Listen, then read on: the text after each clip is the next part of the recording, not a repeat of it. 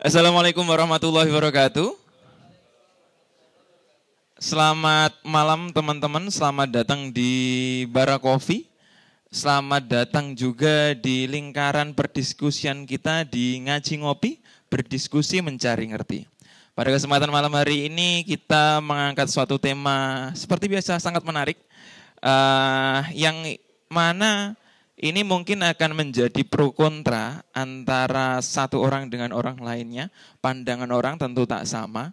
Kita membahas tema seputar LGBT. Jadi uh, tentu ada pro kontra di masyarakat. Dari kawan-kawan yang hadir saya yakin akan ada kubu pro dan juga kubu kontra. Tapi tentu karena ini adalah perdiskusian maka dari itu ini adalah uh, kesempatan yang baik untuk kita saling bertukar pikiran apa yang kita uh, pendapat kita akan kita sampaikan dalam perdiskusian kita pada kesempatan malam hari ini. Oke, uh, tapi tema kita bukan LGBT, tema kita, nah tema yang tercantum di flyer kita adalah pelangi-pelangi ciptaan Tuhan. Kayak lagu aja ya. Tapi inilah uh, yang kami anggap pelangi-pelangi ciptaan Tuhan. Ya, kenapa kita ambil kata pelangi? Karena memang satu ini adalah um, simbol dari teman-teman LGBT. Kedua ini adalah wujud perbedaan yang diciptakan Tuhan di muka bumi. Maka dari itu uh, mari kita berdiskusi, berkumpul dalam kehangatan di cuaca yang dingin ini. Dan langsung aja kita akan panggil ketiga pemantik perdiskusian kita pada kesempatan malam hari ini. Saya akan sambut seorang yang salah satu juga founder ngaji ngopi dan juga owner dari uh, Kopiah Ireng. Beliau adalah Gus dari Pondok Pesantren At-Tohiriyah. Kita sambut dengan tepuk tangan yang meriah Gus Muhammad Fahak Rusdan untuk maju ke depan.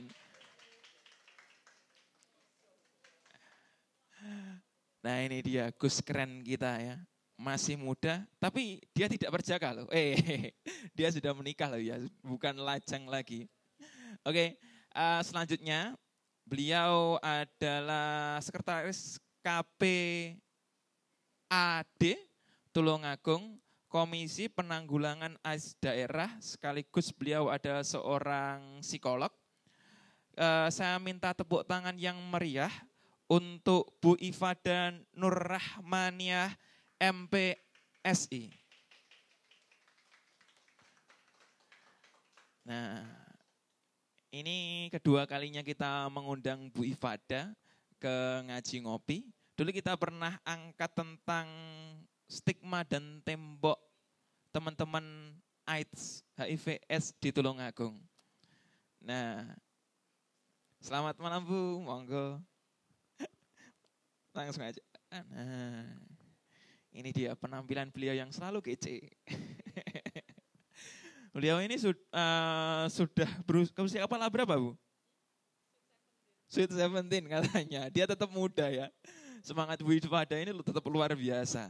Nah, kalau ini semangat muda, kalau ini muda beneran selanjutnya. Ketiga uh, pemantik yang ketiga ini adalah mahasiswa uh, pasca sarjana UIN Sunan Kalijaga, beliau fokus dalam kajian gender.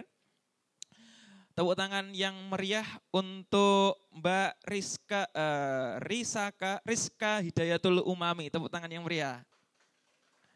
Wah. Ini ini yang muda beneran, Bu. oh, beneran, Bu. Mari, mari. Loh, sana aja kosong. Gus Pak ke sana atau saya atau saya yang sana gitu mungkin. Oke, uh, ketiga pemantik kita sudah hadir bersama di sini. Uh, saya pindah aja deh, ya, biar enak. Nih, biasanya saya di kanan, sekarang di kiri ya. Ini karena Gus Pak ini, biar dekat sama sama founder ngaji ngopi. Oke, kita ketiga pemantik kita sudah hadir pada kesempatan malam hari ini. Uh, dan kita akan berdiskusi bersama mengenai topik pembahasan yang kita angkat, pelangi-pelangi ciptaan Tuhan. Oke, okay. um, saya mau pertama kali sama Mbak Umami. Mbak Umami, Yang masih muda dulu dong. Yang yang ampun Bu, agak lebih dewasa belakangan. Oke. Selamat malam Mbak Umami. Ya, selamat malam Mas Anwar. Ini sibuk apa Mbak Umami? Sibuk apa ya? Enggak sibuk sih, ke sini. Enggak sibuk ya? Iya. Gimana ini kuliahnya? Sudah semester akhir ini. Tadi saya tuh udah ditanya sama Mbak Atiko ini gimana kuliahnya. Cuma bayar, bayar gitu aja. Oh jangan sampai Anda jadi donatur kampus Mbak. iya. Ini, ini, ini, ini budaya ini tidak boleh terus terjadi. Ya Gus ya? Iya, semoga enggak. Semoga. Oke, ya. Eh, Mbak Mami, ini langsung aja ke pembahasan kita. Ya. Em, kita sudah tahu bersama, bahkan eh, dulu kita pernah sangat ramai membahas tentang LGBT di Indonesia. Em, gimana kita membahas tentang undang-undang mengenai LGBT dan kemudian eh, banyak hal lah seputar LGBT yang menjadi pro dan kontra, yang menjadi perdebatan bahkan bukan hanya di lini atas tapi juga di lini bawah Mbak Umami. Nah, sebenarnya kalau ngomong soal LGBT, sebenarnya sejarah LGBT itu gimana sih Mbak? Atau berasal dari mana kemudian, mungkin seperti itu ya. Eh, sebenarnya sejarah mengenai LGBT itu seperti apa sih Mbak? Kalau boleh tahu. Gitu. Eh, sejarahnya ya. Heeh. Eh, saya bukan ahli sejarah, jadi bukan jangan tanya soal sejarahnya. Iya, tapi eh, karena saya dikasih kesempatan pertama, saya ucapkan terima kasih kepada Mas Anwar, kemudian juga kepada teman-teman semua yang sudah eh, berkenan hadir di mana nih? Iya di ngaji ngopi. Eh, saya ucapkan terima kasih dan saya ucapkan selamat datang kepada teman-teman semuanya. Eh, yang pertama, yang ingin saya sampaikan adalah Eh, saya tidak otoritatif sebenarnya membincang soal teman-teman LGBT karena eh, apa ya saya tidak eh, sering berkomunikasi dengan teman-teman kemudian juga eh, saya hanya mendapat eh, sedikit pengetahuan ketika saya ada di bangku kuliah karena waktu itu juga eh, sering sekali membahas tentang eh, seksualitas dan politik tubuh waktu itu. Jadi eh, ada beberapa teman dari eh, LGBT kemudian juga trans yang dihadirkan oleh dosen kami sehingga kami bisa ngobrol bareng gitu. Tapi eh, di situ kembali lagi saya tidak membahas tentang sejarahnya, tapi eh, bagaimana kami kemudian dipahamkan tentang apa yang eh, apa ya tentang apa yang menjadi eh, prinsip atau eh, cara pandang yang teman-teman LGBTIQ ini eh, pegang seperti itu.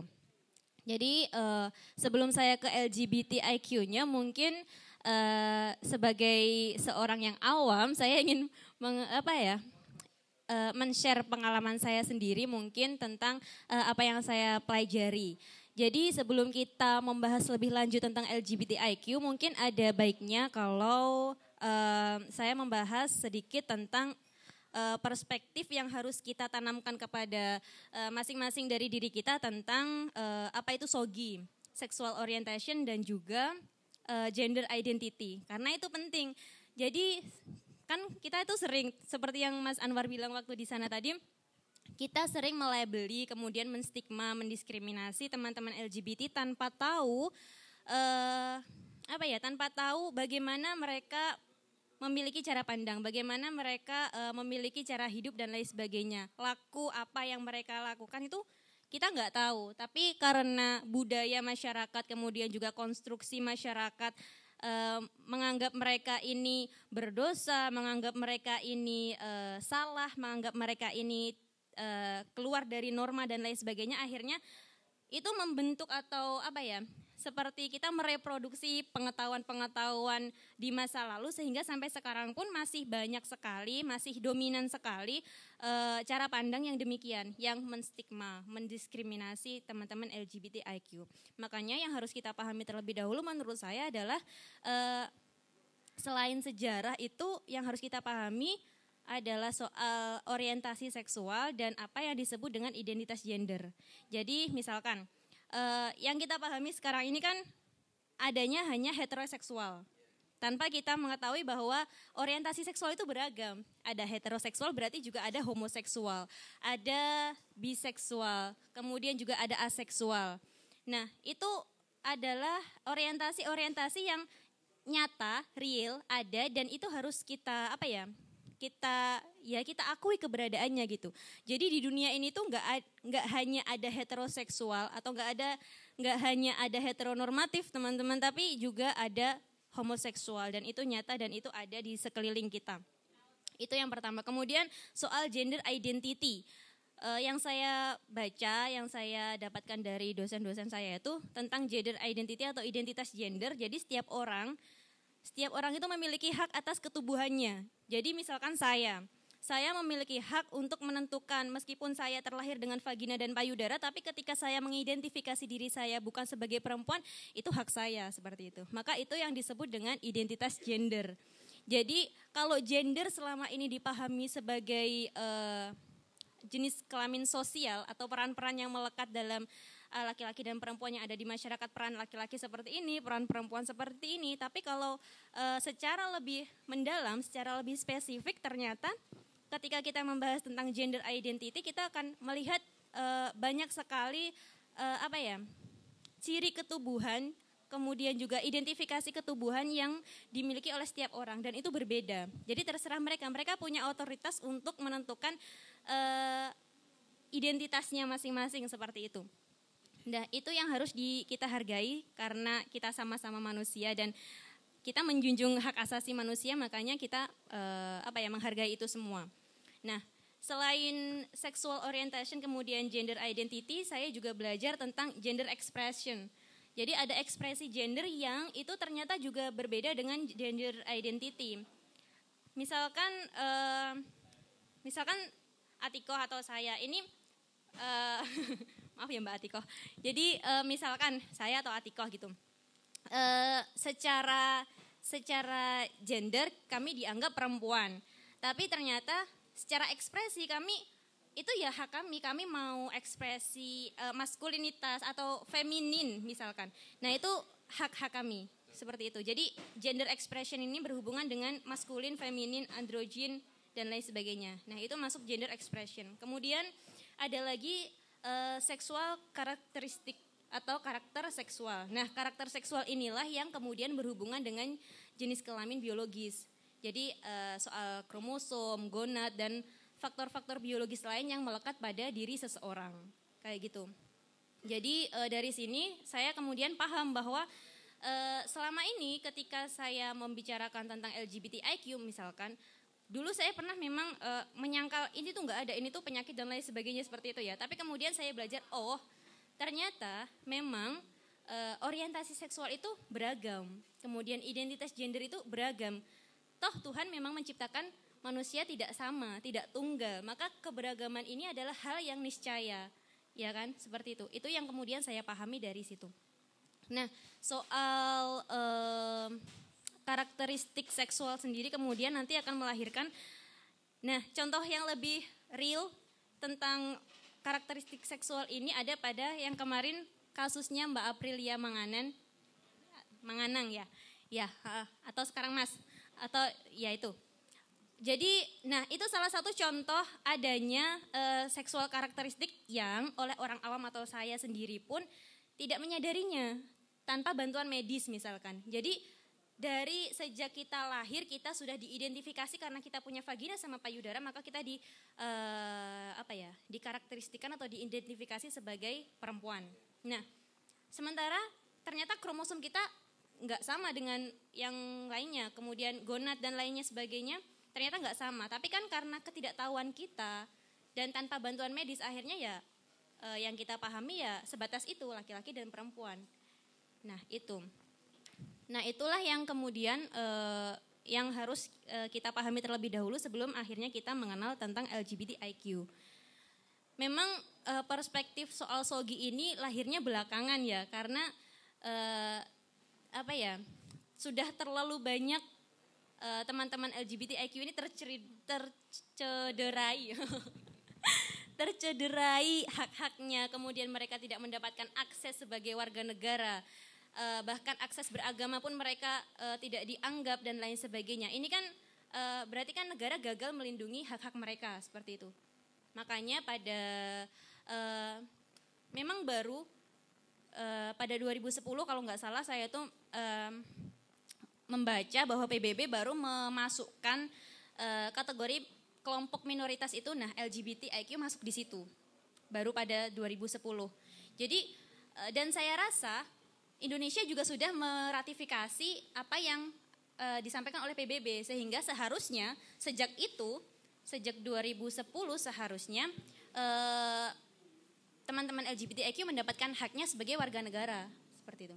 Nah kemudian soal hak lagi pada tahun 2000 uh, berapa ya 2016 kalau tidak salah itu uh, di Yogyakarta teman-teman sempat mengadakan kayaknya apa ya menyepakati adanya prinsip-prinsip Yogyakarta. Nah di situ kalau saya tidak salah juga di situ sudah selain Sogi teman-teman juga sudah mendapatkan ini uh, apa ya 20 di dalam prinsip-prinsip Yogyakarta itu kalau tidak salah ada 29 pasal yang menyatakan uh, hak-hak seorang LGBTIQ. Jadi kalau hak-hak itu dilanggar atau tidak di uh, tidak dilakukan oleh negara berarti negara telah melanggar hak-hak itu kan seperti itu. Nah, tapi ya balik lagi sampai sekarang kita masih melihat Satpol PP sering menggerebek teman-teman yang uh, berduaan laki-laki sama laki-laki gitu ya Bu ya. nah itu kan berarti uh, hak berekspresi di tempat umum, kemudian hak berpendapat, hak uh, mendapatkan rasa aman di, tem di ruang publik itu tidak didapatkan oleh teman-teman LGBTIQ. Mungkin itu dulu yang bisa saya sampaikan, selanjutnya bisa ke Bu Ifadah atau belum, belum, belum, Jangan terburu-buru tau Mbak. Kok buru-buru banget? Enggak, enggak, enggak. Um, lebih sebenarnya seperti ini Mbak. Sebenarnya uh, apa yang salah sebenarnya? Apakah memang kita punya konstruksi yang berbeda? Ngomongkan soal masa lalu, tentu kalau kita ngomong soal LGBT di masa lalu pun juga pasti ada. Nah, ngomongkan soal masa lalu kita akan terikat sama namanya budaya. Nah, bagaimana sebenarnya budaya kita memandang soal LGBT ini, Mbak? Hmm, gitu ya. Hmm. Jadi uh, kalau teman-teman uh, kalau teman-teman sadar di budaya Reyok Ponorogo kita kenal apa? Ah, kita kenal warok. Kemudian di budaya Bugis kita kenal ada calalai, calabai dan lain sebagainya. Itu kan juga ekspresi nah, ekspresi yang berbeda dengan sam, sampai sekarang. Jadi saya rasa sejak dulu kala sejak dulu kala di setiap agama juga ada sebenarnya. Ya, Bu. Seperti itu sudah ada gitu. Tapi kenapa kemudian pada saat ini uh, ekspresi mereka terbatasi ya kan? Lantas nah, apa yang salah ini? yang salah apa ini? Nah, ya. berarti yang salah terima kasih Mbak. iya. Saya rasa yang salah adalah konstruksi budaya yang dominan. Iya, apa yang dominan pada saat itu sehingga membuat uh, membuat ekspresi-ekspresi semacam itu ditenggelamkan seperti itu, ya kan? Budaya yang dominan di Indonesia misalkan heteroseksual, heteronormatif, segala sesuatu yang keluar dari e, ranah heteronormatif. Ya heteronormatif itu maksudnya laki-laki uh, paham ya. Jadi segala sesuatu yang keluar dari ranah heteronormatif maka dia akan dianggap tidak bermoral. Dia dianggap uh, berdosa, dia dianggap uh, apa ya tidak senonoh dan lain sebagainya. Nah itulah yang kemudian membuat mereka ditenggelamkan atau dimarginalkan dari masyarakat umum. Nah itu dan kesadaran semacam ini terus direproduksi oleh siapa? Ya oleh pemerintah, oleh negara dan uh, kurangnya pengetahuan kita, kurangnya pembacaan kita terhadap masa lalu membuat kita kayak gimana ya? Jadi kayak kita nggak tahu sejarahnya seperti apa, terus karena yang kita dapatkan dari pendidikan misalkan, yang kita dapatkan dari pengajaran SD itu seperti ini, laki-laki harus dengan perempuan, harus menikah dengan perempuan, harus bicara dengan uh, itu kayak gitu-gitu. Nah, akhirnya ya itu terbawa. Berarti stigma ini muncul karena konstruksi pendidikan dan itu salah satunya. Itu salah satu. Nah, mm -mm. kalau faktor lain? Faktor lain banyak, banyak pemicunya kenapa kemudian uh, apa ya teman-teman LGBTIQ ini tidak berani bersuara. Karena gimana ya mereka tidak mendapatkan tempat di pemerintahan misalkan. Bagaimana mereka bisa ikut membuat kebijakan yang uh, gimana ya yang menyetarakan mereka sementara mereka tidak dilibatkan dalam membuat kebijakan. Kan kayak gitu. Nah kalau itu kalau itu pada kalau pada awalnya saja seperti itu bagaimana sekarang? Mereka sama sekali tidak dilibatkan gitu kan dalam pembuatan kebijakan soal pendidikan misalkan atau ketika mereka e, tidak dilibatkan dalam e, pembuatan kebijakan di bidang kesehatan, ekonomi. Nah, ya gimana mereka mau mendapatkan hak-haknya kembali kalau hal-hal yang ada di ranah-ranah itu saja mereka tidak mendapatkan posisi apa pun gitu bahkan tidak dilibatkan dalam misalkan nggak ada yang ditanya. Uh, dari teman-teman LGBT misalkan uh, ada usulan apa nih untuk untuk kampus? Nah berapa berapa persen kampus di Indonesia yang uh, terbuka dengan teman-teman LGBTIQ misalkan? Teman-teman transgender saja.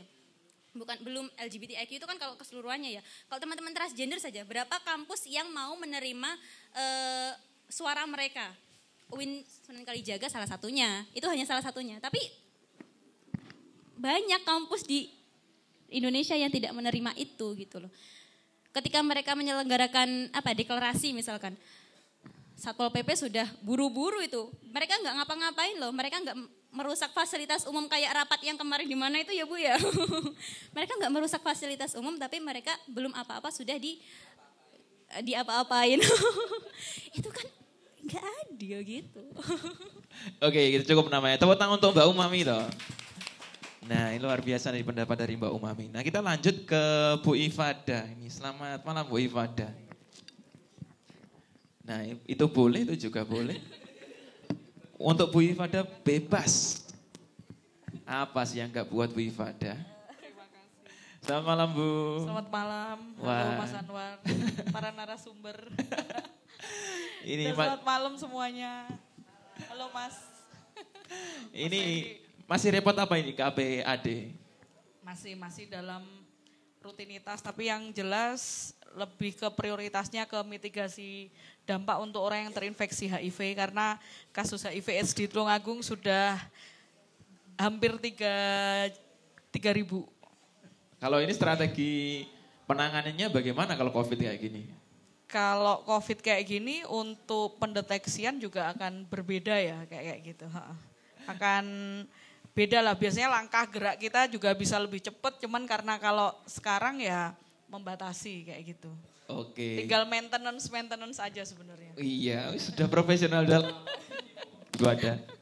Oke, okay. Fada ini kan orang yang sudah lama berkecimpung di uh, penanggulangan HIV AIDS, kemudian juga uh, dekat dengan teman-teman LGBT terutama tentu saja Bu Ifada. Nah, juga Wanjenengan ini adalah seorang psikolog. Nah, kita akan bahas mengenai um, LGBT ini pada ranah mungkin lebih kepribadian, Bu.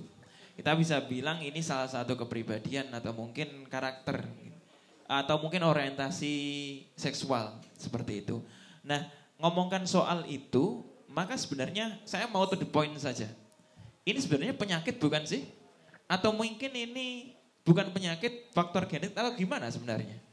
Ya, uh, oke. Okay tadi udah dijabarin bagus. Iya. Saya rasa memang sejarah dan tentang Sogip itu memang perlu tahu. Jadi memang diskusi itu ada yang mengawali kayak gini. Jadi lebih apa ya? Ada narasi yang terbaca dulu lah kayak gitu. Walaupun nanti akan ada pro kontra itu itu biasa kayak gitu. Kalau nggak ada pro kontra nggak meriah kan gitu ya. Uh, tapi yang jelas gini, sebenarnya kalau berbicara tentang LGBT itu kan sebenarnya berkaitan dengan label sosial. Tadi udah sempat dibahas ya. Jadi kalau uh, sebenarnya LGBT mungkin di sini juga udah nggak asing bahwa itu bagian dari akronim kan kayak gitu. L-nya itu lesbian, G-nya itu gay, kemudian B-nya itu biseksual dan T-nya itu adalah transgender transgender itu terbagi dalam transseksual dan transvestite. Itu yang juga perlu difahami. Opo trans uh, kalau transvestite misalnya uh, seorang laki-laki kemudian dia ini memakai baju perempuan tapi tidak berganti kelamin. Ini bagian dari yang bisa disebut transvestite. Kalau transseksual yang jelas harus berganti kelamin. Nah ini pun juga sangat psikologi banget sebenarnya. Jadi sebenarnya gini, kalau berbicara tentang LGBT dalam perspektif psikologi, ini memang lebih enak menjelaskan. Karena apa? Karena memang tidak ada seseorang itu yang terlahir sebagai gay atau lesbian. Itu dulu aja. Nobody is born gay or lesbian. Jadi tidak ada seseorang pun yang terlahir sebagai gay atau lesbian. Misalnya gini, ketika kita itu jagong bayi, ya toh, jagong bayi. Masa ade ngerti, oh kisok gedene gay, kisok lesbian, kan enggak kan, kayak gitu. Jadi artinya memang sebenarnya uh, ini adalah hal-hal yang memang terkonstruksi dan juga berkaitan dengan pola asuh. Jadi memang secara kejiwaan ini memang sangat bisa dijelaskan. Jadi sebenarnya kalau dalam agama mana pun ya LGBT atau uh, jadi gini, ada LGBT, ada yang namanya same sex attraction. Kalau same sex attraction itu adalah orientasi seksual. Kalau LGBT itu kan label sosial yang tadi ada gay, ada lesbian. Nah, kalau LGBT itu pasti same sex attraction, jadi artinya orientasinya sejenis kayak gitu. Tapi kalau same sex same sex attraction itu belum tentu dia mau dikategorikan atau dilabeli sebagai LGBT. Kadang orang-orang yang memiliki orientasi seksual sejenis, dia juga risih loh. Di enggak enggak, aku enggak mau disebut LGBT karena yaitu tadi ada stigma-stigma padahal dia juga bagian dari orang yang memiliki orientasi seksual sejenis. Nah, sebenarnya apakah orientasi seksual sejenis. Jadi kan kalau tadi udah dijelasin ya bahwa yang non heteroseksual. Nah, ini kan kayak barang aneh, barang salah, kok iso yo, opo enak, podo. Misalnya kalau lesbian biasanya bahasa-bahasa yang disampaikan opo enak lepek-lepean, kan gitu ya. Kemudian kalau yang laki biasanya itu sebenarnya sudah verbal-verbal bullying pada teman-teman yang memiliki orientasi seksual sejenis. Kalau yang G biasa uh, dikata-katain misalnya gini, pedang-pedangan kan kayak gitu ya. Emang anggar gitu kali eh. Nah, jadi ini bagian dari juga memang ada stigma-stigma. Jadi sebenarnya uh, kalau berbicara tentang orientasi seksual, ini kan tadi sudah sempat diulas juga oleh Mbak Umami ya. Jadi bahwa orientasi seksual itu bukan hanya heteroseksual. Orientasi seksual itu adalah ketertarikan secara hasrat, secara emosional. Jadi antara di pikiran, di hati, dan di alat reproduksi itu dalam satu koneksi. Itu. Jadi ada connectingnya nih antara pikiran, perasaan, sama organ reproduksinya. Jadi ketika seseorang itu berhasrat secara seksual misalnya perempuan dengan laki-laki itulah yang dinamakan heteroseksual kan gitu ya. Kemudian kalau laki-laki dengan laki-laki atau perempuan dengan perempuan itu ya kalau laki-laki dengan laki-laki disebut gay, kalau perempuan dengan perempuan disebut lesbian ada juga istilah biseksual. Nah ini yang kadang juga banyak yang salah kaprah. Salah kaprahnya gini, oh, oh DE kok wes rabi yo. Dhisik ketoke kemayu, ternyata rabi berarti yo iso karo wong wedok. Berarti dia biseksual. Orang sangat mudah untuk menyimpulkan itu. Padahal biseksual itu begini. Jadi ketika dia ditanya, misalnya dia seorang laki-laki, Mas sampean ki luweh seneng berhasrat pokoknya ngerasane enak. Kui ki kalau sampean berhubungan seksual sama laki-laki atau dengan perempuan. Aku bingung eh, podo enak eh. Jadi harus porsinya 50 50 persen. Tapi ketika seorang gay menikah, kemudian dia menikah dengan seorang perempuan, karena dia ini juga apa itu mengalami apa kondisi-kondisi tekanan sosial, kemudian kondisi dengan keluarga untuk mengkamuflase saja, tapi dia masih punya pacar laki-laki, sebenarnya dia bukan biseksual, tapi dia ya homoseksual laki-laki kayak gitu. Jadi ini paling tidak ini dulu ya. Jadi bahwa kalau misalnya orientasi seksual ini adalah sebuah penyakit, ini kalau diobati ya langsung mari. Neng ora ki kayak gitu kan. Jadi gini, sebenarnya ada hal-hal uh, kalau misalnya ini adalah sebuah gen, ini kan sudah zamannya juga zaman-zaman yang sudah modern, harusnya bisa diantisipasi. Tapi ternyata tidak. Karena memang pola asuh ini sangat-sangat berpengaruh. Misalnya gini ya, secara apa? Secara uh, secara yang mendasar ya bahwa fitrohnya nah, kayak gitu ya fitrahnya itu kan laki-laki dengan perempuan dan perempuan dengan laki-laki seperti itu ya nah dalam ilmu psikologi ini pun hal itu dijelaskan kalau kita mengulas tentang LGBT jadi bahwa ketika seorang anak laki-laki ini dia ini akan mengidentifikasi jadi wong lanang ki piye? Terus nanti kalau jadi bapak itu gimana? Ini yang dilihat sosok ayahnya. Lah, kalau anak tapi dia jatuh cinta untuk pertama kalinya itu dengan ibunya. Ini alam bawah sadar anak ya, kayak gitu.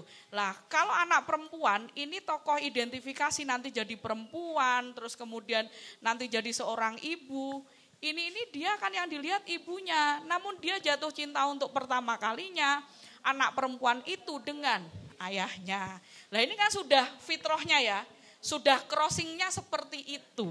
Namun ketika peran ayah sama ibu ada yang membuat ketidaknyamanan bagi anak, di sinilah awal mulanya terkonstruksi pikiran yang mengendap. Jadi anak umur lima tahun ini cara berpikirnya sudah bisa berbelok.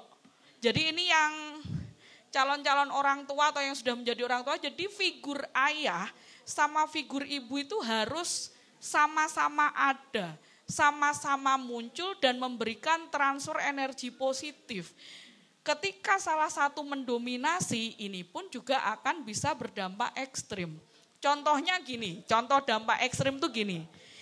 Memang gini ya, namanya kalau berbicara tentang kepribadian itu tadi ya mas, kepribadian itu subjektif. Jadi misalnya orang tua punya anak tiga atau lima, cetakannya kan sama tuh bapak ibunya. Tapi jadinya nggak akan sama, karena yang dikonstruksi itu berbeda misalnya. Misalnya kita nih satu saudara, Terus kemudian ayah kita itu marah sama kita. Ini anak yang pertama misalnya dia itu lebih memilih untuk menghindar atau lari. Nggak mau menghadapi. Anak yang kedua lebih mem, uh, dia lebih baper banget. Aduh, ayahku kok marah-marah sama aku ya. Mungkin ayahku nggak sayang sama aku, mungkin ayahku benci sama aku. Nah, terus yang anak ketiga lebih cuek. Di sini letak konstruksinya berbeda. Ini mendasar banget soal kepribadian. Nah, inilah yang memang perlu difahami. Kayak misalnya gini, kenapa ada seorang lesbian, misalnya kayak gitu ya. Ini berbicara tentang orientasi seksual uh, sejenis yang untuk wanita dia ketika anak-anak, dia ini melihat bahwa bap, bapaknya ini melakukan KDRT pada ibunya. Jadi dia itu sudah menilai, mencetuskan, bapak jahat, bapak kayak gitu sama ibu. Aku nggak mau lagi, aku nggak mau sama laki-laki karena laki-laki itu jahat.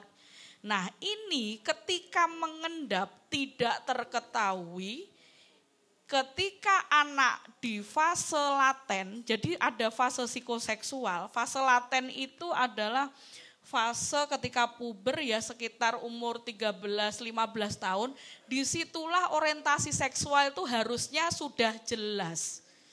Kayak gitu. Atau misalnya tadi yang saya berbicara tentang lesbian ya. Jadi uh, kemudian dia sendiri itu lebih memilih uh, ini. Jadi kayak gini, dulu ibuku disakiti, misalnya kayak gitu. Dulu ibuku disakiti, berarti aku nggak mau sama laki-laki, misalnya kayak gitu. Nah ini contoh, contoh lagi, ada hal-hal yang bisa terkonstruksi. Ini nggak apa nih, saya masih jelasin. Nggak apa. Oh ya, jadi uh, ada hal yang terkonstruksi gini.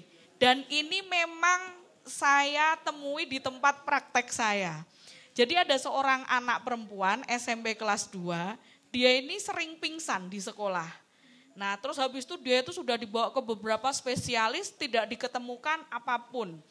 Kemudian dia itu kan akhirnya dari dokter spesialis dalam itu menyarankan ya sudah kamu ini aja bu anaknya dibawa ke psikolog saya kasih nomornya Mbak Ifada kayak gitu ya. Habis itu sampai sana itu dia tak tanya kayak gitu. Tapi tak suruh tinggal, ibu bapaknya udah nggak usah ditungguin biar ngobrol sama saya tak tanya. Dia perempuan kayak gitu SMP kelas 2D. Kamu sudah punya pacar sudah, tapi saya lagi ini kak udah lagi jomblo katanya gitu. Terus kamu itu cowok yang kamu seneng itu yang kayak gimana sih yang membuat kamu ser-ser kayak gitu. Itu sebenarnya pertanyaan mendasar loh. Dan itu memang orang tua jarang menanyakan hal-hal seperti itu nggak kepikiran. Dipikirnya kalau bertanya seperti itu nanti mengundang mengundang hal-hal yang nanti akhirnya anaknya sing pacaran, kebablasan dan sebagainya kayak gitu ya. Padahal ini kan pertanyaan mendasar. Nah ketika dia tak tanya, e, kamu suka cowok yang kayak gimana dek? Cowok tomboy. Loh cowok kok tomboy ini maksudnya? Loh cowok tomboy. Wes coba-coba kamu browsing kok biar aku ngerti. Begitu dia bilang, dia browsing, dia nunjukin gambar, saya komen. E, loh ini ini loh aku suka yang kayak gini. D ini bukannya perempuan. Iya. Kamu suka sama perempuan uh, uh, uh, jawabnya lama kayak gitu. Kamu dari kapan suka sama perempuan? Dari SD kelas 5. Kita juga kayak gitu nggak perlu frontal ya. Oh kamu itu dosa, kamu nggak ngerti ya kayak kayak gitu itu sebenarnya nggak boleh. Siapa yang ngajarin kamu lah? Ini ini ini bahaya. Ini malah nanti malah terjadi endapannya beda. Nah ketika seperti itu kita pun juga perlu bertanya kembali kenapa dek kok kamu sampai suka dengan perempuan? Nah ini jawabannya ini yang menurut saya cukup mencengangkan dan ini sangat mungkin dilakukan oleh kebanyakan orang tua. Soalnya mamah itu sering bilang, jangan deket-deket sama laki-laki, laki-laki itu berbahaya, laki-laki itu monster. Nah loh, jadi terkonstruksi otak anak itu berpikirnya itu masih konkret ketika SD. Jadi apa yang dia dengar, ya itu yang dia telan. Nah ketika dia puber, dia bingung. Terus kamu sudah pernah ciuman sama perempuan? Enggak. Terus kamu gimana perasaanmu? Aku juga bingung. Emang semua laki-laki monster ya mbak? Emang semua laki-laki itu ini ya? Buaya. Lah kan, ini dari kata-kata loh ya bisa mengkonstruksi. Lah di sini letaknya orang kalau tidak mau menelusuri proses-proses kejiwaan, memang menghakimi itu gampang. Kayak gitu. Tapi ini sebenarnya manifestasi perwujudan dari proses-proses pola-pola asuh yang tidak difahami. Ada lagi yang saya pernah ketemu gini. Itu akhirnya dia gini, begitu nanya, apa memang laki-laki itu e, berbahaya dan monster? Itu bahasa kekhawatiran mamahmu loh dek. Tidak semua laki-laki, tadi nyanyi itu ya. Tidak semua laki-laki seperti itu. Nah itu saya itu. lah, dadine yo Oh alah mamahi khawatir toh maksudnya lah nyapa kok dadak omong ngono lah dia jadinya jengkel kayak gitu. Tapi akhirnya ya akhirnya sudah ketemu bapak ibunya udah tak jelasin clear. Kalau yang seperti ini, ini masih dalam kebimbangan. Ini masih bisa dalam konstruksi karena bingung dia menjadi ke heteroseksual. Jadi itu ada gradasinya, ada semacam tingkatan levelnya gitu loh. Kalau masih bingung, ini masih bisa dimungkinkan untuk dia ke heteroseksual. Karena sebenarnya kan maksudnya ibu E, ben anak E itu nanti kalau puber engkau gak pacaran malah kebablasan kok anakku hamil loh mbak ini loh. Ini loh bahasa kekhawatiran yang belum terjadi tapi terlalu over. Ini pun kan juga akan berpengaruh kayak kayak gitu. Nah ini makanya hal seperti itu. Ada lagi, ini yang soal kalau tadi yang lesbian, yang ini gay.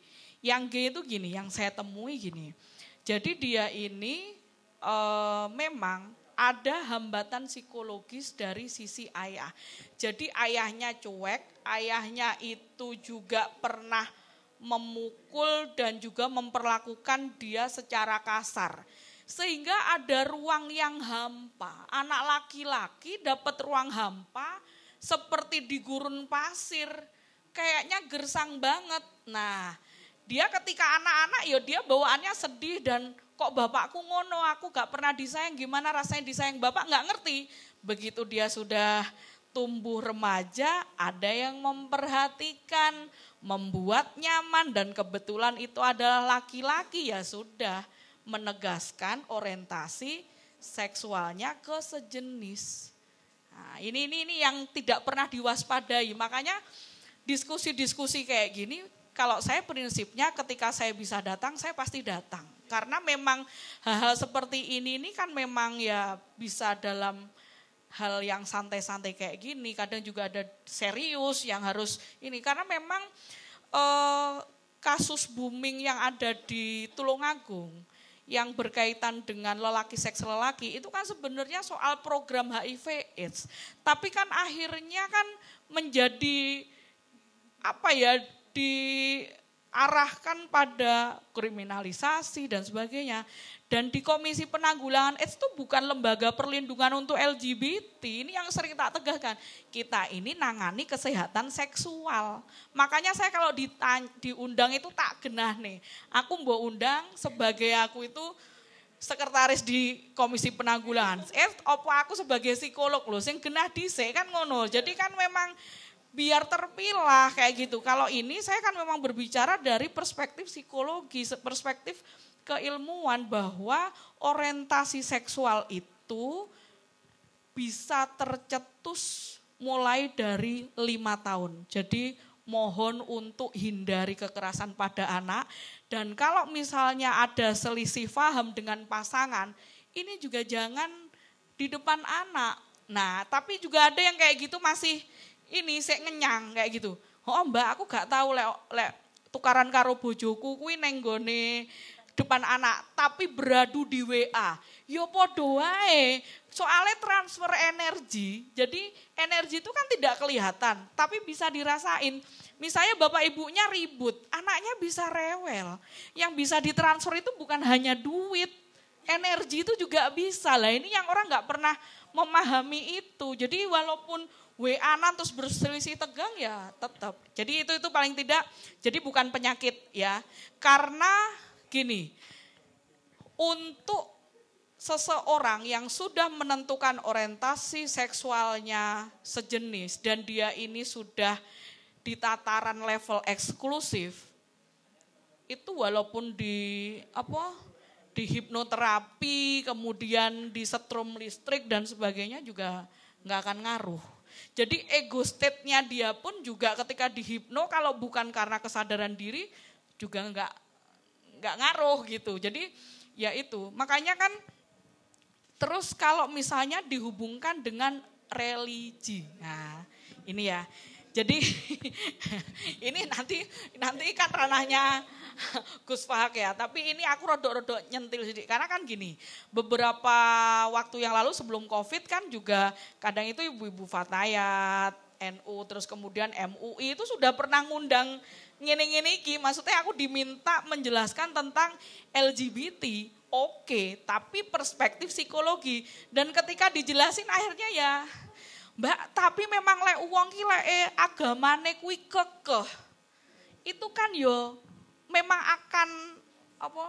aman gitu. Katanya aman.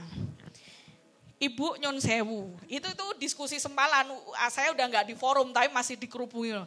Gini Bu, saya itu kalau memang anggapan panjenengan seperti itu, gimana kalau saya menjelaskan tentang realitas sosial. Jadi ada seorang bapak yang beliau ini sudah sebagai duda, punya anak-anak sudah gede-gede, sudah berkeluarga, tapi anaknya tidak pernah tahu kalau bapaknya seorang gay. Itu terjadi dan beliau ini ya memang kalau urusan haji itu 10 kali lebih. Saya ngertinya, nah saya ngertinya gini. Kadang itu teman-teman kan ada yang main ke rumah, rumah kan sekaligus tempat praktek psikologi ya. Jadi jadi waktu pintu itu tak buka, kan ada yang lewat tuh dari Masjid Al Munawar. Terus sing kenal si bapak itu tuh langsung berdiri terus lari. Salim jawabannya ngono Salim. Loh, gue kok kenal? Kenal kui abah kok eh. Maksudnya aku Iya, kan DE senengane njaluk dipijit-pijit. Nah, jadi namanya aktivitas seksual, apalagi orientasi seksual, itu sangat private sekali. Bahkan anaknya nggak ngerti itu kayak gitu. Sudah gede-gede dan beliau memang ya termasuk pemuka agama dan sebagainya. Artinya gini, ini soal beda gitu loh. Maksudnya kalau memang kalau secara religiusitas memang ya beliau ya saya rasa juga beda. Tapi kan mengalami sisi-sisi luka psikologis itu kan orang nggak pernah membahas Orang kan setiap anak itu sangat dimungkinkan punya gelo karo wong tua, ya kan? Punya luka dengan orang tua. Tapi apakah luka dan gelo ini dijadikan endapan yang dia dendam atau dia menuntaskan masa lalunya dengan memaafkan ayah ibunya dan peristiwa-peristiwa itu. Belum lagi ketika seorang anak laki-laki kemudian dia dilecehkan oleh orang di sekitarnya. Misalnya dia umur lima, eh, kelas playgroup itu uh, umur berapa? Uh, ya sekitar lima tahun ya. Jadi dia itu dipegang-pegang bahkan diajak berhubungan seksual sama saudara pamannya. Nah, ini juga bisa menimbulkan sensasi. Saya masih ada cerita-cerita lain sebenarnya yang sebenarnya ini ada lagi. Ini realitas sosial ya, baik yang saya jumpai yang secara saya pertemanan dengan teman-teman komunitas atau yang datang ke tempat praktek saya. Saya justru pernah menjumpai seorang anak yang ketika kelas 4 SD dia ini sering nonton bokep. Nah, waktu itu kan apa? Ada itu loh, uh, warnet, warnet. Bapak ibunya sibuk, dia mengakses internet. Nah, sing didelok bokep bokep homoseksual, ya. Jadi ini sudah nancep ketika masih anak-anak kelas 4 SD sampai 6 SD itu enggak masalah. Ngeliat ya ngeliat aja mulai ada perguncangan pergolakan batin itu ketika sudah puber. Di situ loh awal mulanya. Lah dia ketahuannya kan dia ini bolos sekolah. Nah orang itu kalau bolos sekolah itu sebenarnya sudah ledakan. Itu sebenarnya harus perlu ke psikolog. Tapi kan orang kadang, eleh paling dee wedi karo gurune. Ki, ah, Gak ada anak yang terlahir sebagai anak yang bolos. Ini pasti sudah ledakan. Itu harus dicari tahu, kenapanya itu harus dicari tahu. Nah ketika itu dia tak tanya, waktu itu kan dia sudah dirukiah, sudah dibawa ke dukun, wes pokoknya sa omongnya wong dituruti. Tapi nggak tahu anak ini kenapa. Setelah saya konseling, baru ketahuan dia ini ternyata dia ini kalau malam biasanya ini onani. Lah sambil nonton film bokep yang homoseksual laki-laki dan dia merasa bersalah akhirnya besoknya nggak sekolah. Dia ini kan sudah pernah dibawa ke pondok sama bapak ibunya. Lah tapi dia malah stres. Stresnya gini, dia ini takut. Kata dia gini, kamu waktu di pondok kata ibu bapak mau bunuh diri deh. Iya, soalnya takut nanti jangan-jangan aku nggak bisa nahan aku nubruk wong lanang sing tak senengi. Ya itu ya, itu paling enggak itu dulu lah okay, yang okay. ya wes jadi bukan penyakit yeah. juga itu tadi ya. Oke. Okay. okay, kita yang harus kita pahami pertama ini adalah bukan penyakit. Ini sudah jelas ya. Bahkan uh, di PBDGJ yeah. uh, kitab suci psikolog ya LGBT sudah dihapuskan dari dari apa ya uh, penyakit gangguan, jiwa. gangguan jiwa bu ya. Jadi jadi stop katakan LGBT itu penyakit ya. Oke, bahwa kita pahami, Bu, gini Bu, gini Bu, ini belum selesai Bu. Dikit lagi lah, dikit lagi. Mungkin dua, tiga, empat pertanyaan lagi lah. Saya nunggu sebenarnya tadi mau mana ini selahnya ini. Oke, Bu. Um, kita tadi sudah bicara mengenai bahwa um, LGBT terdampak dari pola asuh yang mungkin kita bisa anggap salah, uh, cara pertemanan, kemudian akses pengetahuan yang terjadi. Dan itu terkonstruk, Bu. Seperti itu, Bu ya? ya. Nah, uh, lantas bagaimana, ada nggak sih Bu sebenarnya ketika LGBT ini terdorong karena hormonal? Itu ada nggak sih kasus seperti itu? Atau memang sangat langka atau mungkin bahkan tidak ada? Hanya hanya disebabkan akibat konstruk uh, pendidikan dan juga pola asuh saja. Seperti itu. Gimana, Bu? Oke, jadi gini, kalau berbicara tentang hormonal ya, uh, sebenarnya saya beberapa waktu yang lalu mungkin belum ada satu tahun, saya tuh kedatangan seseorang, dia ini laki-laki tapi sangat uh, sangat feminin gitu ya, rambutnya panjang, terus mukanya tirus kayak kayak gitu. Uh, dia itu begitu duduk, ya kan, begitu duduk dia itu tak tanya gimana, saya manggilnya apa nih? Saya bilang kayak gitu. Uh, ya udah sebut nama aja. Dia bilang oke. Okay. Uh, pie, kamu mau ke sini ke psikolog ini apa? Mau apa? Apa yang membuat kamu datang ke sini itu apa? Saya tuh mau operasi kelamin, Mbak. Udah langsung gitu. Operasi kelamin apa yang membuat kamu terdorong atau berpikir untuk operasi kelamin? Apakah kamu merasa kamu itu terjebak pada tubuh yang salah? Iya. Piye ceritane? Jadi dia cerita. Jadi memang ada hal-hal yang terkonstruksi ke dia kayak gitu ya. Jadi dia ini adalah anak laki-laki yang tidak pernah boleh terluka. Jadi sangat dieman-eman yang secara over, eh jangan dek, nanti kamu jatuh, eh jangan dek, kayak kayak gitu. Jadi Yeni kemudian dia ketika bermain itu ya bermain boneka-bonekaan, bermain pasaran dan ditambah lagi memang orang tuanya itu pengen sekali punya anak perempuan. Ini banyak loh kejadian-kejadian yang di masyarakat yang bisa kita jumpai. Jadi karena apa?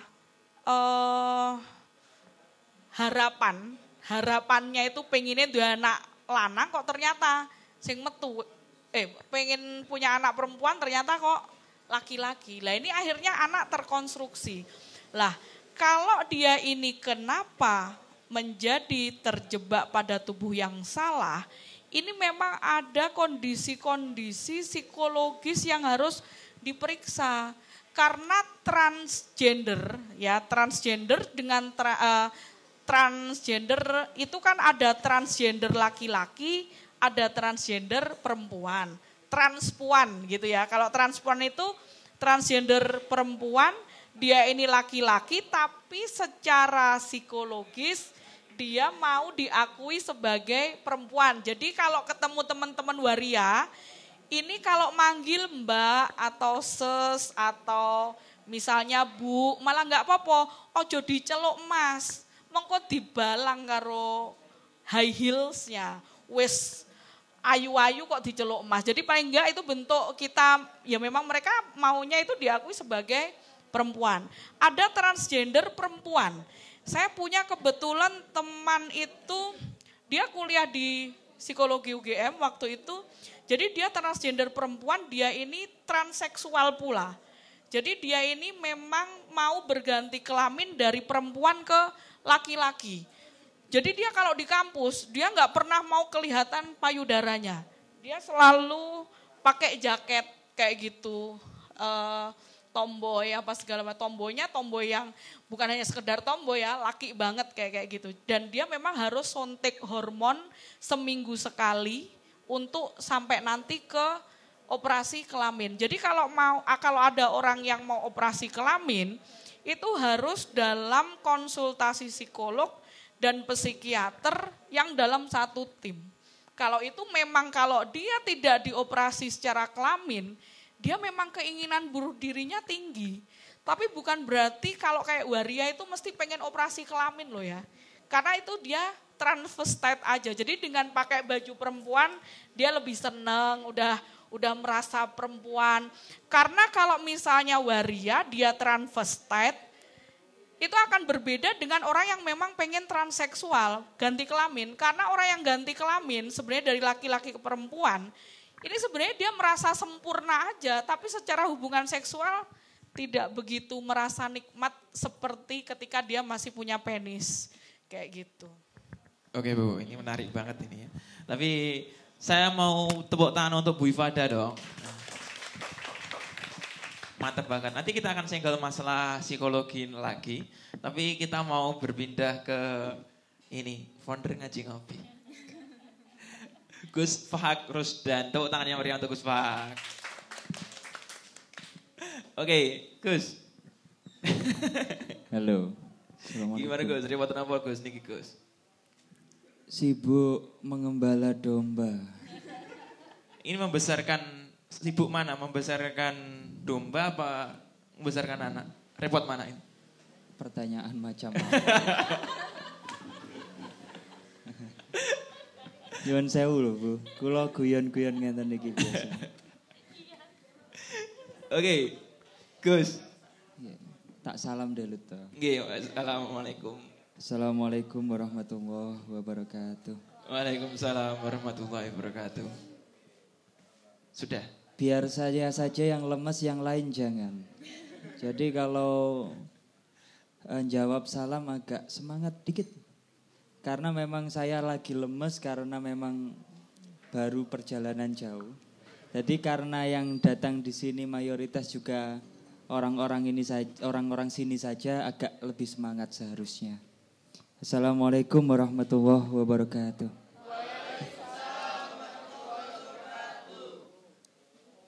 Karena gue lo mesti. Dadak kon nileng nih. Monggo pripun. Oke, oke, oke. Oke, Gus. Uh, kita tadi udah ngomongkan soal stigma dan juga pandangan dari masyarakat mengenai teman-teman LGBT. Sudah juga sudah ngobrol mengenai apa sih yang melatar belakangi LGBT. Apakah itu kalau bahasa agamanya fitrah, uh, modalitas yang diberikan Tuhan kepada seorang anak, atau itu cek, nah, atau itu terkonstruk dari pola asuh dan pendidikan. Nah tadi sudah dijawab dengan gamblang oleh Bu Ifada mengenai hal tersebut. Nah ini karena um, apa di negara ini, di negara ini bisa, tidak bisa dipungkiri adalah faktor yang paling kontra, bisa dibilang kontra terhadap LGBT itu adalah agama. Nah sebenarnya pandangan agama mengenai LGBT itu gimana sih Gus? Agama Islam ya, karena kan jenengan Gus. Gitu. Nggih. Atau Hiriah, monggo. Bismillahirrahmanirrahim. Tabarakalladzi nazzala al-furqana 'ala 'abdihi liyakuna lil 'alamina nadhira. Assalatu wassalamu ala sayyidina Muhammadin wa ala alihi ba'd. Sebuah aturan bagi saya kalau memulai untuk membicarakan sesuatu yang bersifat ilmiah untuk bertawasul dulu kepada Nabi. Maka ajaran ajaran saya memulai untuk berbicara sifat yang penting menurut saya. Yang sifatnya penting dimulai dengan basmalah, hamdalah, solawat dan salam. Uh, sebenarnya saya malah belajar banyak di sini dari Bu Ifada dan Mbak Umami. Ya, Mbak Umami. Mengenai apa itu LGBT dan bagaimana itu psikologi dalam uh, pendidikan seksual. Karena saya di sini memang bukan bukan orang apa yang yang mendalami akan hal itu pastinya. Saya di sini diundang juga cuma ada, uh, sebagai orang yang mengerti sedikit mengenai agama. Jadi mohon maaf kalau ada sesuatu yang salah dari ucapan saya atau mungkin perlu dikritik dan dibenarkan teman-teman yang hadir di sini yang mungkin lebih tahu dan lebih alim dari saya mohon untuk keluarkan suaranya nanti. Itu harapan saya. Pertama seperti ini. Sebenarnya saya sedikit kurang sepakat dengan yang dijelaskan Mbak Umami mengenai uh, ekspresi agama, beragama bagi teman-teman yang LGBT. Ini saya kurang sepakat karena seperti ini. Kita memang dari segi fikih karena gini. Dalam Islam atau kita mengambil salah satu yang diucapkan uh, kaul dari Imam Syafi'i itu gini. Al ilmu innal ilma ilmani al fikhu watib. Jadi ilmu itu ada dua, ilmu fakih dan ilmu tib, kedokteran. Keduanya saling berkaitan apalagi mengenai beberapa pencetusan hukum-hukum uh, dasar dalam manusia. Itu sangat uh, berimpact keduanya, selalu berkorelasi. Ada hal yang begitu sulit memang untuk dijelaskan apalagi mengenai sesuatu yang bersifat mukodar atau tertakdir bahasanya atau terpastikan sejak dini. Itu memang sulit. Makanya kalau dalam ilmu fikih ada istilah khunsa. Ada istilah khunsa dan dibagi lagi ada khunsa muskil. Khunsa pun ada mukhonnis, ada amdan. Loh apa itu? Ini yang menjadi pertanyaan bagi saya dulu. Karena ini sebuah istilah Arab yang asing menurut saya.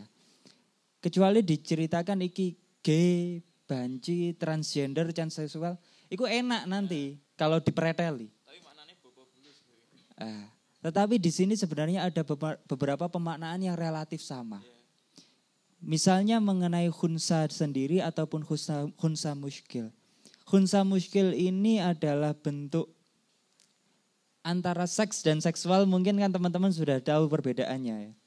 Antara seks yang di sini adalah jenis kelamin laki-laki yang seperti itu, perempuan seperti itu, dan ada kegiatan fi'lu seksnya, ada kegiatan seksnya yaitu gini dan gini untuk laki-laki dan perempuan, ada seksual.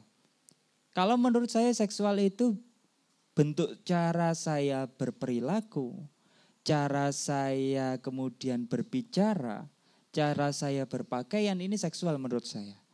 Kalau misalnya saya nggak kopiahan neng kene wedaan, terus lipstikan, kira-kira ngomong gue ya, Assalamualaikum. Jamaah. Enggak, enggak, enggak, enggak. Sorry, I'm sorry. Jadi, jadi itu itu yang yang perlu dibedakan. Lah di hunsa muskil di situ yang saya paham adalah ada yang yang secara mukodar tertakdir dia berkelamin ganda. Nah di sini secara hormonal, hormonal ataupun kromosom baru ditelaah secara tip tadi kedokteran. Apakah ini menjurus ke cowok atau cewek? Maka dia boleh memilih di antara keduanya. Kalau misalnya secara kedokteran, oh ini kromosom atau hormonnya cewek, ya cowok-cewek. Kalau cowok, cowok. Bahkan dalam sholat pun dia mendapatkan hukum, mbak. Jadi nggak ada istilah bagaimana dia tidak bisa berekspresi secara agama menurut saya. Kegiatan spiritual religi diatur. Bahkan seorang khunsa itu boleh mengimami wanita. Karena dikhawatirkan kalau khunsa ini uh, menjurusnya ke apa dan tidak boleh mengimami seorang laki-laki. Kenapa kok seperti itu? Karena masih 50-50 kalau kalau apa namanya banyak ke cowoknya berarti sah kalau enggak banyak ke ceweknya kan enggak boleh diimami oleh perempuan misalnya. Ini ada hukumnya. Lah yang di sini yang berbeda juga antara muhonis dan amdan. Di mana muhonis itu dia hanya berpenampilan, berperilaku, tetapi dia itu sebenarnya yaitu mukodar, angel dirubah. Wis angel banget. Angel kayak banget. Tapi ada yang sebenarnya bisa di, dirubah karena perkembangannya yaitu seperti yang dijelaskan Bu Ifadah secara konstruk uh, pendidikan orang tuanya di lah ini usia untuk pendidikan yang, yang memang sangat harus diperhatikan. Pertama kalau bahasa kitabnya itu belum tamyiz Bu atau belum mukallaf. Kenapa kok anak-anak itu dikatakan belum tamyiz atau belum mukalaf? Anak saya misalnya masih usia sekitar 2 tahun, tak kasih duit seratus ribu ya disuwek-suwek tok kan gitu. Belum tamis. Ini belum sinkron otaknya ini.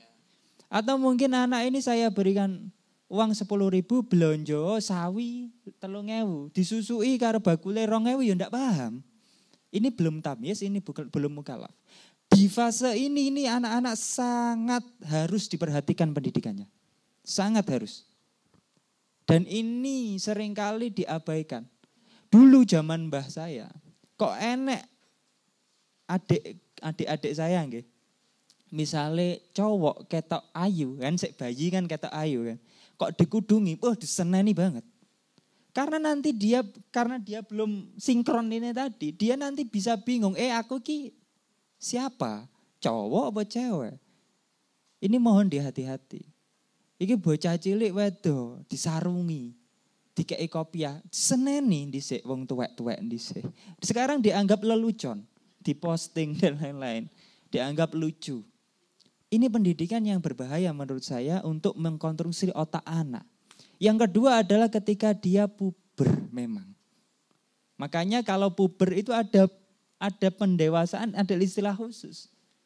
Kan kalau anak itu di usia dini diajari sholat, nanti kalau sudah puber wajib di jotosi, wajib diingatkan secara lebih tegas. Ini penting. Jadi di sini memang ketika anak itu puber, ketika anak puber, dia mulai mengerti lawan jenisnya atau terlebih dia mulai menghadapi banyak kehidupan sosial lingkungan yang ber, ber, bermacam-macam, ini harus kita kasih wejangan-wejangan. Kita kasih pendidikan, eh sing ini, eh sing ini. Lah banyak belajar juga dari Bu Ifada, bagaimana mengkomunikasikan itu. Jangan sampai anak itu pertama merasa disalahkan. Terus kemudian dia merasa dicuekkan, pendapatnya dia tidak di, dinggep, eh aku ngomong ini enggak dinggep, eh kamu sih cilik. Ya gitu. Orang tua biasanya gitu nggak mau berdiskusi dengan anak. Ini yang juga kemudian dia wes, merasa insecure di rumahnya. Padahal itu tadi, ketika per, perempuan itu condongnya ke ayah, cintanya pertama dan laki-laki cinta pertamanya ke ibunya, ketika itu tidak tidak terbangun di rumah, komunikasi tidak terbangun baik di rumah itu ya juga bermasalah. Amdan, nah itu, muhonis amdan atau orang yang berperilaku seksual yang amdan. Ini yang kemudian menurut beberapa ulama ini yang bisa dihukumi salah. Kenapa? Karena bahasa salah di sini mohon maaf. Saya juga bingung menyebutnya bagaimana ini penyakit atau bukan. Bingung karena mohon maaf bisa menular. Bisa menular, mohon maaf ya Bu.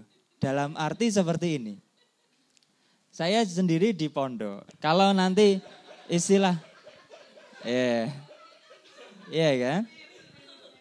Ada istilah mairil, ada istilah warok. Warok itu sing cowok eh, sing mairil itu gemblake. Nah, itu istilah itu wes wis sejak purba. Dan itu mohon maaf, kalau ini tidak dikatakan tidak menular, mohon maaf. Anak yang pertama datang di sini, anak-anak baru ya, santri-santri baru, sering kali jadi korban dan menjadi pelaku berikutnya. Mohon maaf, ini kalau dibatakan nggak dikatakan penyakit, aku yo ya bingung. Mohon ini bahasanya karena tahun-tahun berapa tahun terakhir ini kan di buku pedomannya itu kan dihapuskan. Sebelumnya masuk kategori gangguan jiwa soalnya. Yeah. Saya lebih sepakat seperti ini Bu. Kalau in, jenengan itu dokter ya. Psikiater itu dokter menurut saya. Entah itu urusan mental untuk konseling lah. Terus yang ditangani kalau bukan penyakit apa?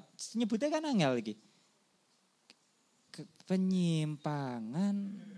Angel bos Aku kayak ono istilah sing penak ngono. Gitu. Soalnya sangat sulit nanti disebut penyakit pun mohon maaf. Ini jangan dibuat diskriminatif. Ini saya yang setuju. Nah, kamu ngomong ini bos. Ngomong nih aku. Sampai ini koyo rodok sakit mas. Eh enak. Tapi Kowe iki loro. Ini yang gak enak. Ini kan berarti memang butuh bagaimana mengkomunikasikan itu. Itu yang menurut saya bukan diskriminatif malah menurut saya. Kalau meskipun itu disebut penyakit. Mohon maaf, kalau saya seperti itu. Karena dulu gini, saya ambil sebuah cerita karena sering di dicuplik di beberapa ayat di Al-Quran. Entah itu Al-A'raf, entah itu Al-Ankabut. Dulu ketika kaum Sodom, wes sama tak sebut kaum Nabi Lut enak apa enggak? Loh, padahal kaum Nabi Lut yang beriman. eh. Tapi kan stigmanya enggak Loh, itu. kaum Nabi Lut itu ya kayak yang beriman. Iman. Ada berapa yang beriman itu? ya makanya gini. Dulu Bu, saya saya ambil cerita seperti ini. Dulu saat Nabi kaum Nabi Lut Nab, uh, Bani Sodom itu mau diadab, malaikat itu bergegas. Oke, OTW oleh job itu oleh Job menghancurkan kaum Nabi Lut saat itu. Ketemu Nabi Ibrahim, ditanya Nabi Ibrahim, bos, nah, At atahliku fi hasala sumiati mu'minan. Lalaswa. Eh, malaikat, opo sampean ape menghancurkan sebuah kaum atau uh, desa atau negara Padahal di situ ada 300 orang mukmin di dalamnya. Uh, ora, mboten Gusti. Jawab malaikat, oh tidak, tidak. Aturan kita tidak boleh. Kalau 200, ya tidak boleh. Kalau 100, tidak boleh. Pertanyaan itu bertahap. Kalau satu, tetap tidak boleh. Inna fiha luto. Di sana ada Nabi Lut. Jawab Nabi Ibrahim. Apa maksud saya di sini? Dulu Bani Sodom itu masih segelintir orang. Satu dua orang yang punya hobi yang lepek sama lepek kalau jenengan elo bahasa yang kurang diminati ya misalnya. Atau pedang-pedangan itu masih satu dua orang.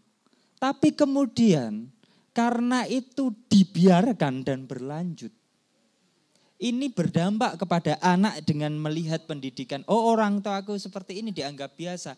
Berkembang, berkembang, berkembang. Akhirnya yang awalnya lah ini.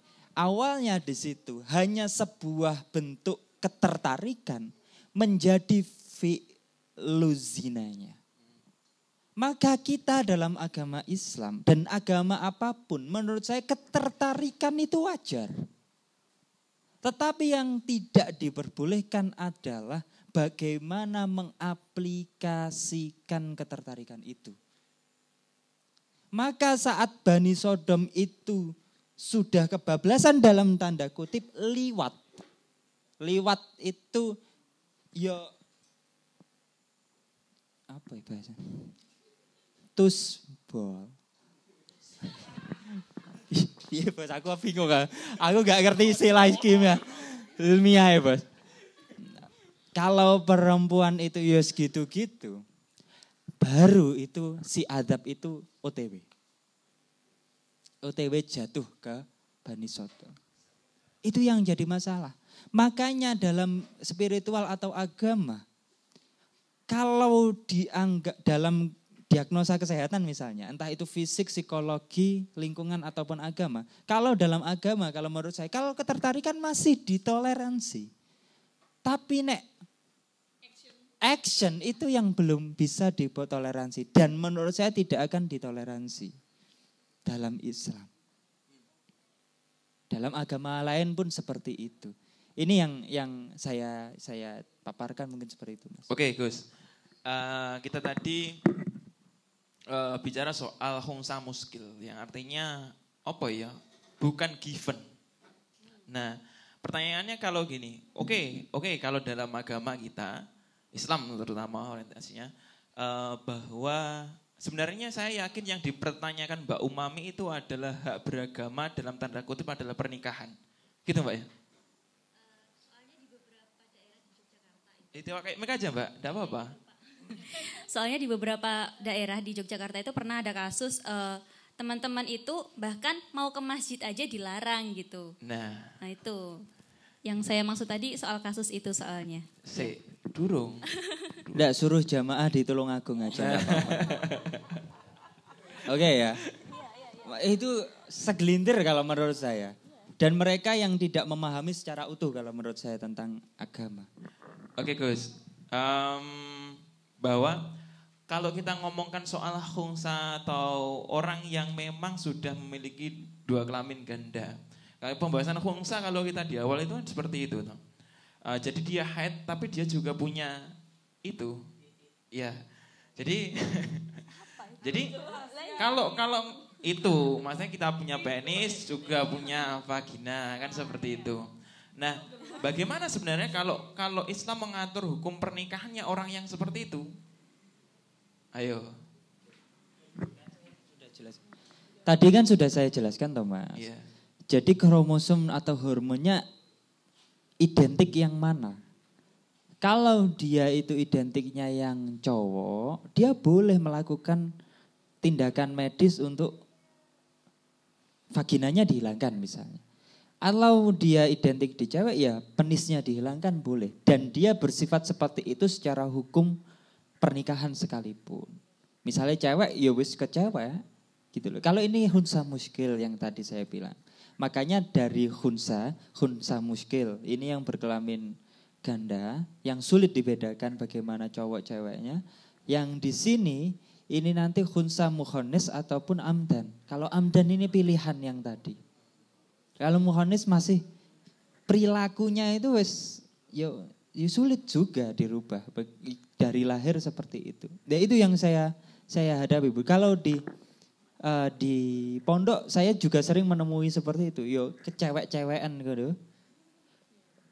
Sayangnya ini loh, kadang itu. Sayangnya ini ketika dia dijadikan korban,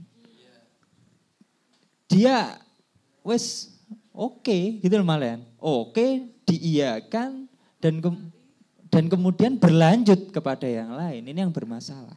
Oke, oke. Tepuk tangan untuk Gus Fahak.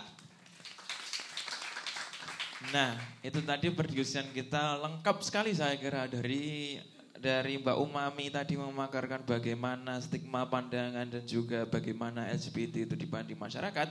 Uh, kemudian dari Bu Ifada tadi uh, kita punya pandangan uh, psikologis mengenai seorang LGBT. Dari Gus Fahak tadi mengenai pandangan agama yang sebenarnya ada tolerir tertentu dan juga ada intolerir terhadap hal tersebut. Maka dari itu Mari uh, saya mengundang kawan-kawan untuk berdiskusi. Kelengkapan ini pasti ada celah dan juga kekurangannya. Maka dari itu saya minta kawan-kawan untuk bergabung bersama untuk mungkin sekedar bertanya uh, apa ya mengutarakan kejanggalannya atau mungkin juga bercerita mengenai pengalaman atau tanggapan yang sudah kita perdiskusian dari awal tadi. Saya persilakan kawan-kawan untuk uh, bergabung dalam perdiskusian ini. Monggo. Siapa yang mau uh, oh ya silakan Mbak yang di belakang itu. Ya, ini maju aja Mbak. Ini ada mic yang sudah kita persiapkan dari teman-teman panitia. Perkenalkan nama Mbak ya. Baik, uh, sebelumnya Assalamualaikum warahmatullahi wabarakatuh. Waalaikumsalam warahmatullahi wabarakatuh. Uh, saya Saskia Diamelawati. Uh, ingin bertanya, kita ketahui bahwa uh, remaja itu menjadi tempat uh, yang dipercayai teman sebayanya sebagai tempat curhat seperti itu. Lalu bagaimana respon kita sebagai teman sebaya ketika mungkin ada uh, teman kita yang maaf LGBT lalu curhat ke kita. Bagaimana respon kita dari segi psikologi maupun segi agama seperti itu. Terima kasih. Oke, Mbak Saskia ya, terima kasih Mbak Saskia. Tepuk tangan untuk Mbak Saskia toh. Nah, itu tadi pertanyaan dari sudut pandang psikologi dan Bu Ifada dulu mungkin, monggo.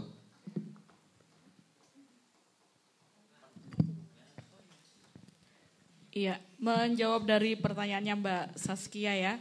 Jadi kalau dari segi psikologi sebenarnya kalau saya lebih pada perspektif humanis saja kayak gitu bahwa ya mereka juga manusia kayak gitu. Jadi ketika kita sudah dalam konteks penerimaan itu kita otomatis tidak akan apa ya akan menghindari dari stigma dan diskriminasi terhadap apa yang mereka pilih kayak kayak gitu ya. Tapi yang jelas sebenarnya kan ketika seseorang datang curhat sama kita ibaratnya ya. Ini kan tidak selalu butuh solusi. Kadang orang itu hanya butuh didengerin loh. Ya kan? Jadi kadang itu saya pun juga dari pengalaman praktek ya.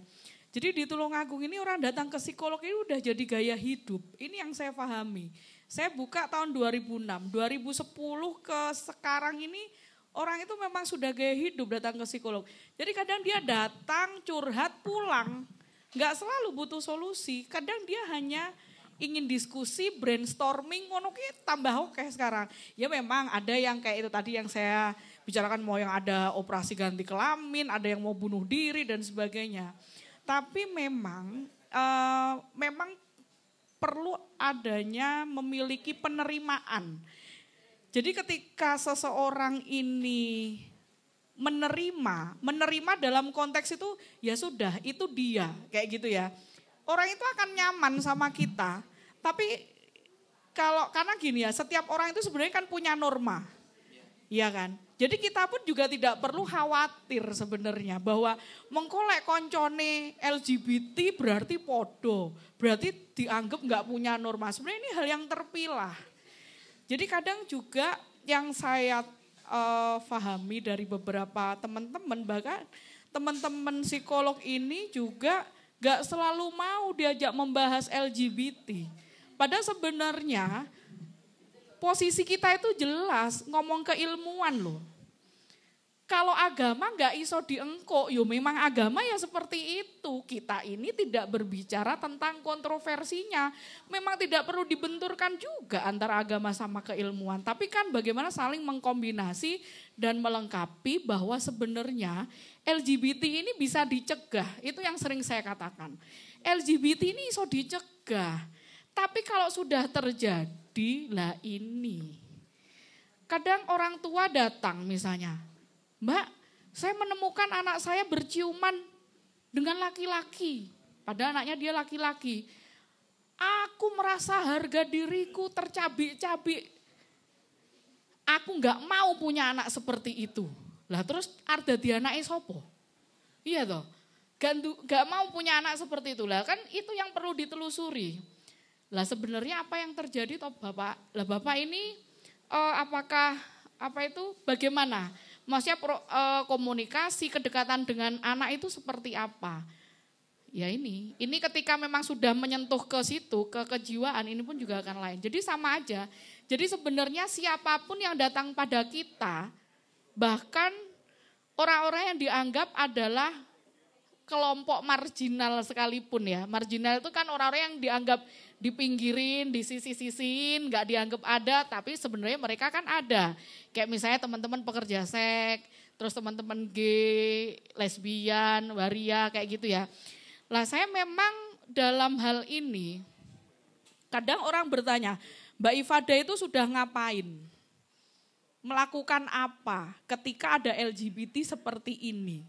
Ada nggak Mbak upaya-upaya pencegahan?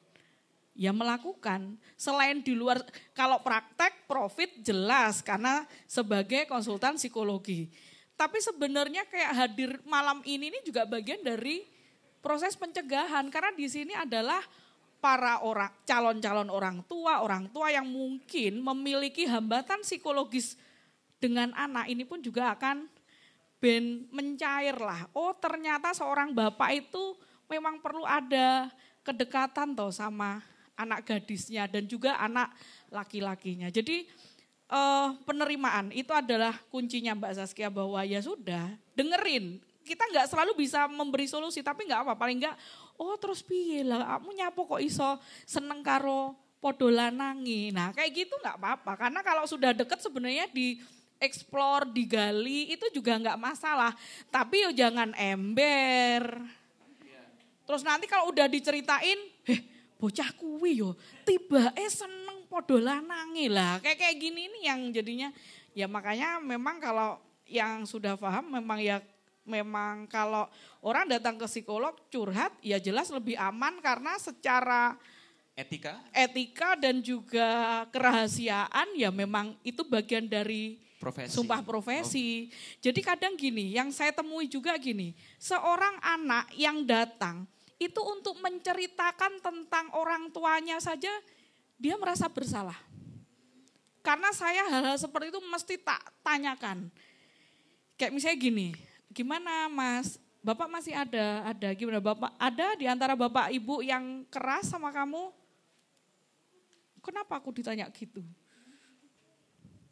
Karena apa yang terjadi pada dia, ini adalah ya bisa terjadi ledakan ekstrim karena dia mengalami luka-luka batin dengan orang tua. Jadi paling enggak ini yang tidak pernah terbahas. Sebenarnya gini ya, orang datang ke psikolog, ini memang sebenarnya bukan menceritakan aib loh, itu tergantung persepsinya kan. Tapi kan mengeluarkan apa yang ada di pikiran dan di perasaan. Orang tidak perlu mengedit karena ya dia bisa jadi diri sendiri untuk curhat dan sebagainya. Kok aku iso seneng karo wedok yo padahal aku wedok misalnya. Kan kalau datang ke psikolog, nah tapi juga memang itu tadi kembali lagi tidak semua teman-teman profesi itu juga sama. Lah di situ kadang yang saya jumpai ini jadinya yang dari pertanyaan Mbak Saskia karena soal kenyamanan ini juga memang hal yang mutlak. Kita punya norma, tapi kita juga tidak perlu mengejat hidup seseorang. Tapi Bu, ha. nah gini, ngomongkan okay. soal norma ini, mm -mm. bahwa ada ada mungkin hal yang ditakutkan dari kita dekat dengan LGBT. Ini satu contoh, satu contoh. Um, wih, ceritanya sanding gue uh, gay mungkin itu. Okay. Eh, enggak, ceritane, ceritane. Untuk sampean sanding gue. kan gak jamin, Gus. Oke, okay. uh, oke. Okay. Kemudian uh, dia sering curhat dengan saya. Nah, was-was yang saya takutkan itu adalah satu hal, Bu eh seneng kambe aku. Nah, seperti itu. Itu satu contoh. Dan ini, ini membuat membuat jarak. Akhirnya kan dia ketika dia tahu bahwa kawannya adalah seorang gay, dia akan membuat jarak uh, agar seperti itulah. Ya. Bu kira-kira. Iya sebenarnya gini ya. Kita itu nggak usah kegeeran bahwa kalau misalnya ya, misalnya kita di sini misalnya ada nih, ada yang dia lesbian. Terus kemudian, oh lepeh karo podo wong wedoke dia bakal nubruk, bakal seneng. Atau yang laki juga begitu. Oh ning kene enek G, terus kemudian wah mesti dia seneng karo aku. Kok gek aku ditubruk, kok aku diperkosa. Halo. Mereka itu punya selera juga. Sama kayak yang hetero. Lah kalau dia seleranya nggak gendut, ya mau ada orang gendut atau dia seleranya yang orang langsing, yo dia nggak akan ngaruh. Jadi mereka juga punya selera. Itu yang perlu difahami. Biar tidak menyinggung. Sebenarnya gini, sebenarnya orientasi seksual itu tidak menular sebenarnya. Tapi memang gini, kalau misalnya seseorang ini belum fix, belum final dalam menentukan orientasi seksual, masih gini, ah tapi dia sebenarnya ada bibit ke homoseksual terus ketemu dengan teman-teman yang juga sudah fix secara orientasi seksual homoseksual di situ biasanya menjadi diperkuat.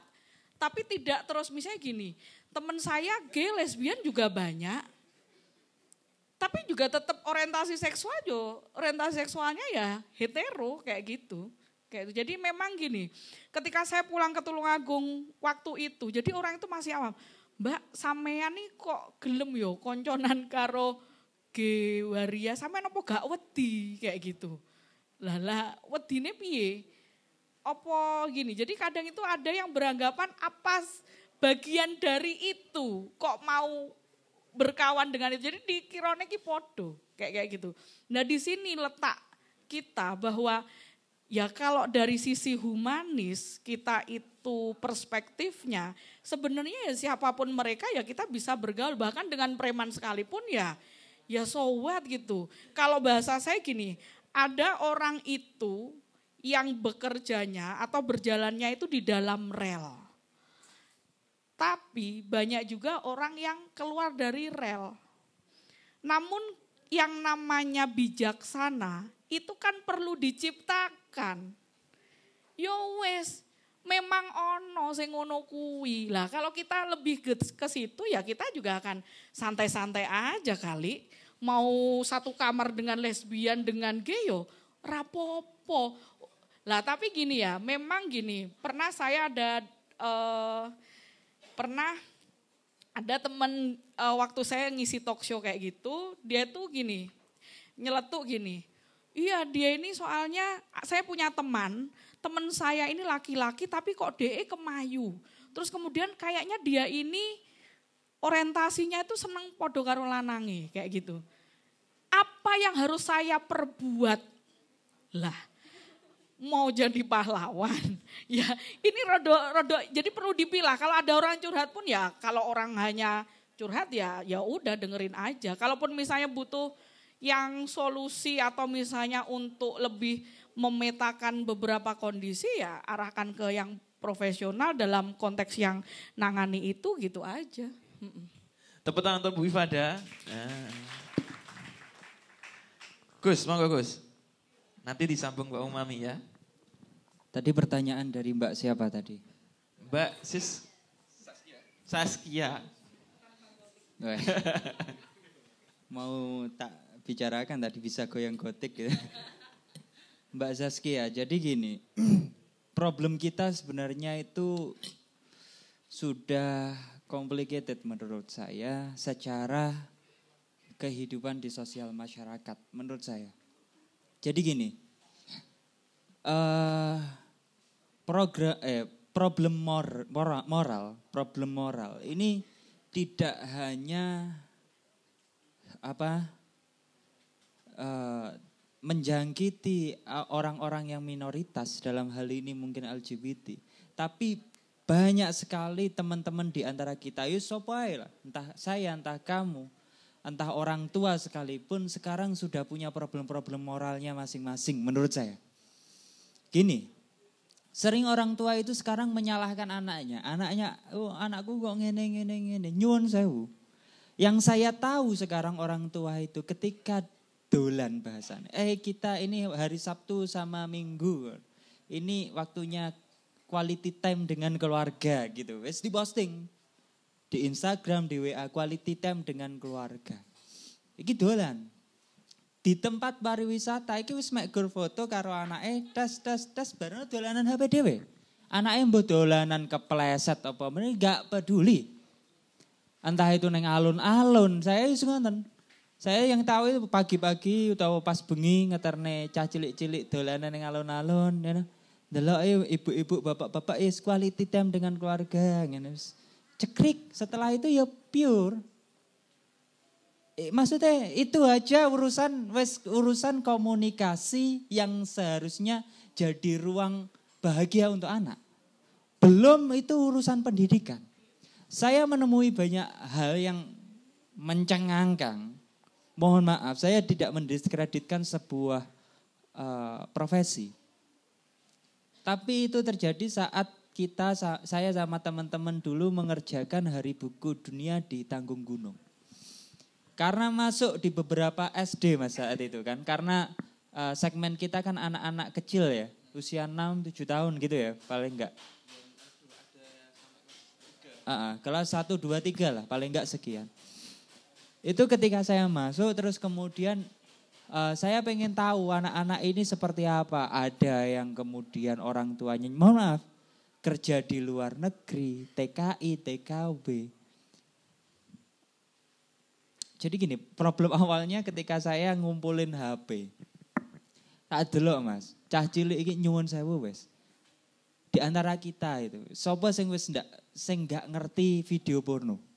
Kayak kok anu, muhal kayak. Iki ditemukan seseorang sing ndak tahu video porno iki anu ini wis orang dengan genetika putih ini wis mesti wis mumbul kira-kira Kayaknya enggak mungkin. Ternyata anak-anak di usia sekian ketika tak cek HP ini, iki wis iso ndelik nih Mas. Folder A, engkau se A sampai Z. Digoleki C, C se wah aku jadi hacker nih kono iki. Engkau baru video terpampang nyata. Tuh, aku langsung tak sing sing sing kasus-kasus tak tak panggili nak satu-satu sik to Dik. Sampeyan kok iso ngene piye Kok oleh video gini dari mana? Wong tuane iku kerja aduh. Aku sing paling berbahaya menurut saya itu ketika ibu. Ibu karena secara fitrah menurut saya nek bapak itu pemimpin, nek ibu itu ya pendidik kalau menurut saya. Kok ibu ditinggal iki? Wes kacau balu anaknya. Jadi nek aku timbang anak yatim nyon anak piatu lebih berbahaya karena kasih sayang pendidikan dari orang tua khususnya ibu ini relatif kurang. Neng kono kuwi anake ditinggal kerja, omae dikei wifi, neng kono karo mbahe mbahe yo uton pisan. Ya wis akses los. Sembarang di-download.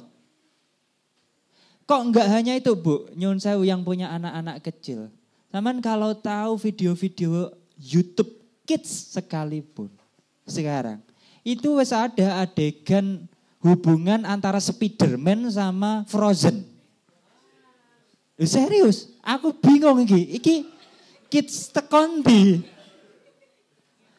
Spiderman sama Frozen lahirnya Spiderman tapi rokan. Bingung nih. Waduh. Kacau bolu eh. Wes ini wes kacau. Program maksudnya problematika moral di sini sudah sangat kacau menurut saya. Itu hati-hati. Mohon maaf saya punya anak dicekali HP nonton YouTube. Aku delok YouTube bocah cilik lho lho lho. Superman karo eh kacau. Ini mohon di hati-hati. Ini yang satu. Nomor dua mbak, soal curhat. Soal curhat. Ini juga sudah problem.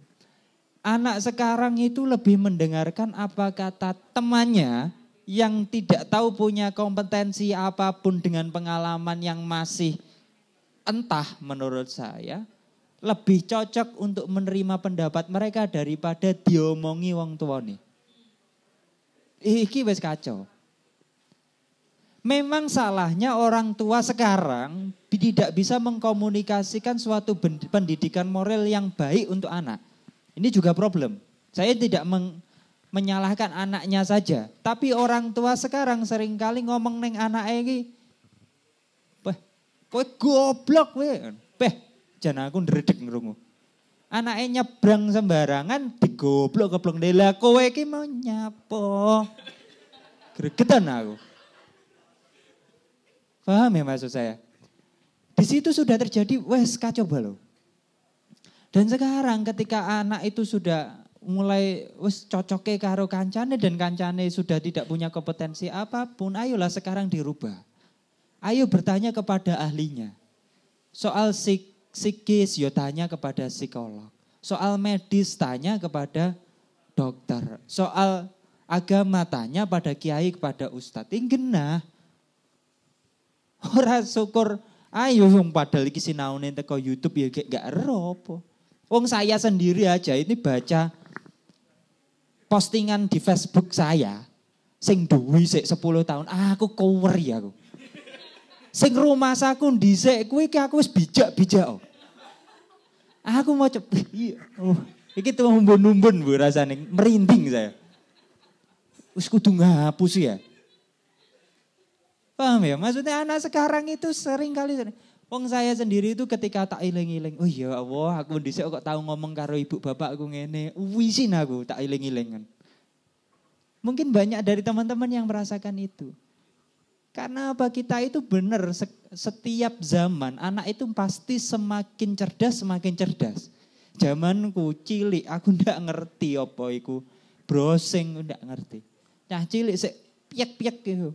Saiki wis iso ngakses YouTube, iso TikTokan, iso sembarang-barang. Memang semakin cerdas, tetapi dibarengi dengan moral yang semakin turun. Nah, ini yang hati-hati maksud saya. Dan yang saya harapkan adalah, yang saya bahas di sini adalah, yaitu itu, adinu faukol akal. Agama itu di atas akal. Tapi faukol itu tidak di atas yang seperti ini. Ini kan lampu di atas kita tapi tidak bersentuhan langsung dengan kita. Agama itu seperti kopiah ini. Di atas saya, tetapi bersentuhan dengan saya. dalam hal ini maksudnya bukan berarti kita kalau bahas agama meninggalkan akal tidak. Semua satu paket yang terkorelasi. Nah, makanya itu. Jadi tolong dihati-hati. Oke, tepuk tangan untuk Gus Fahak. Monggo Mbak Umami. Das. Iya, uh, saya sebagai teman ya, teman curhat. iya. Mungkin punya pengalaman. Oh, pengalaman. Ya, jadi kalau saya terus ada teman yang curhat tentang uh, relasi yang dia jalin dengan orang lain atau misalkan uh, dia perempuan dengan perempuan ya karena sebagaimana yang saya bilang tadi ya Bu, ya saya akan mendengarkan. Kalaupun dia meminta solusi, ya saya akan berikan solusi yang uh, saya paham.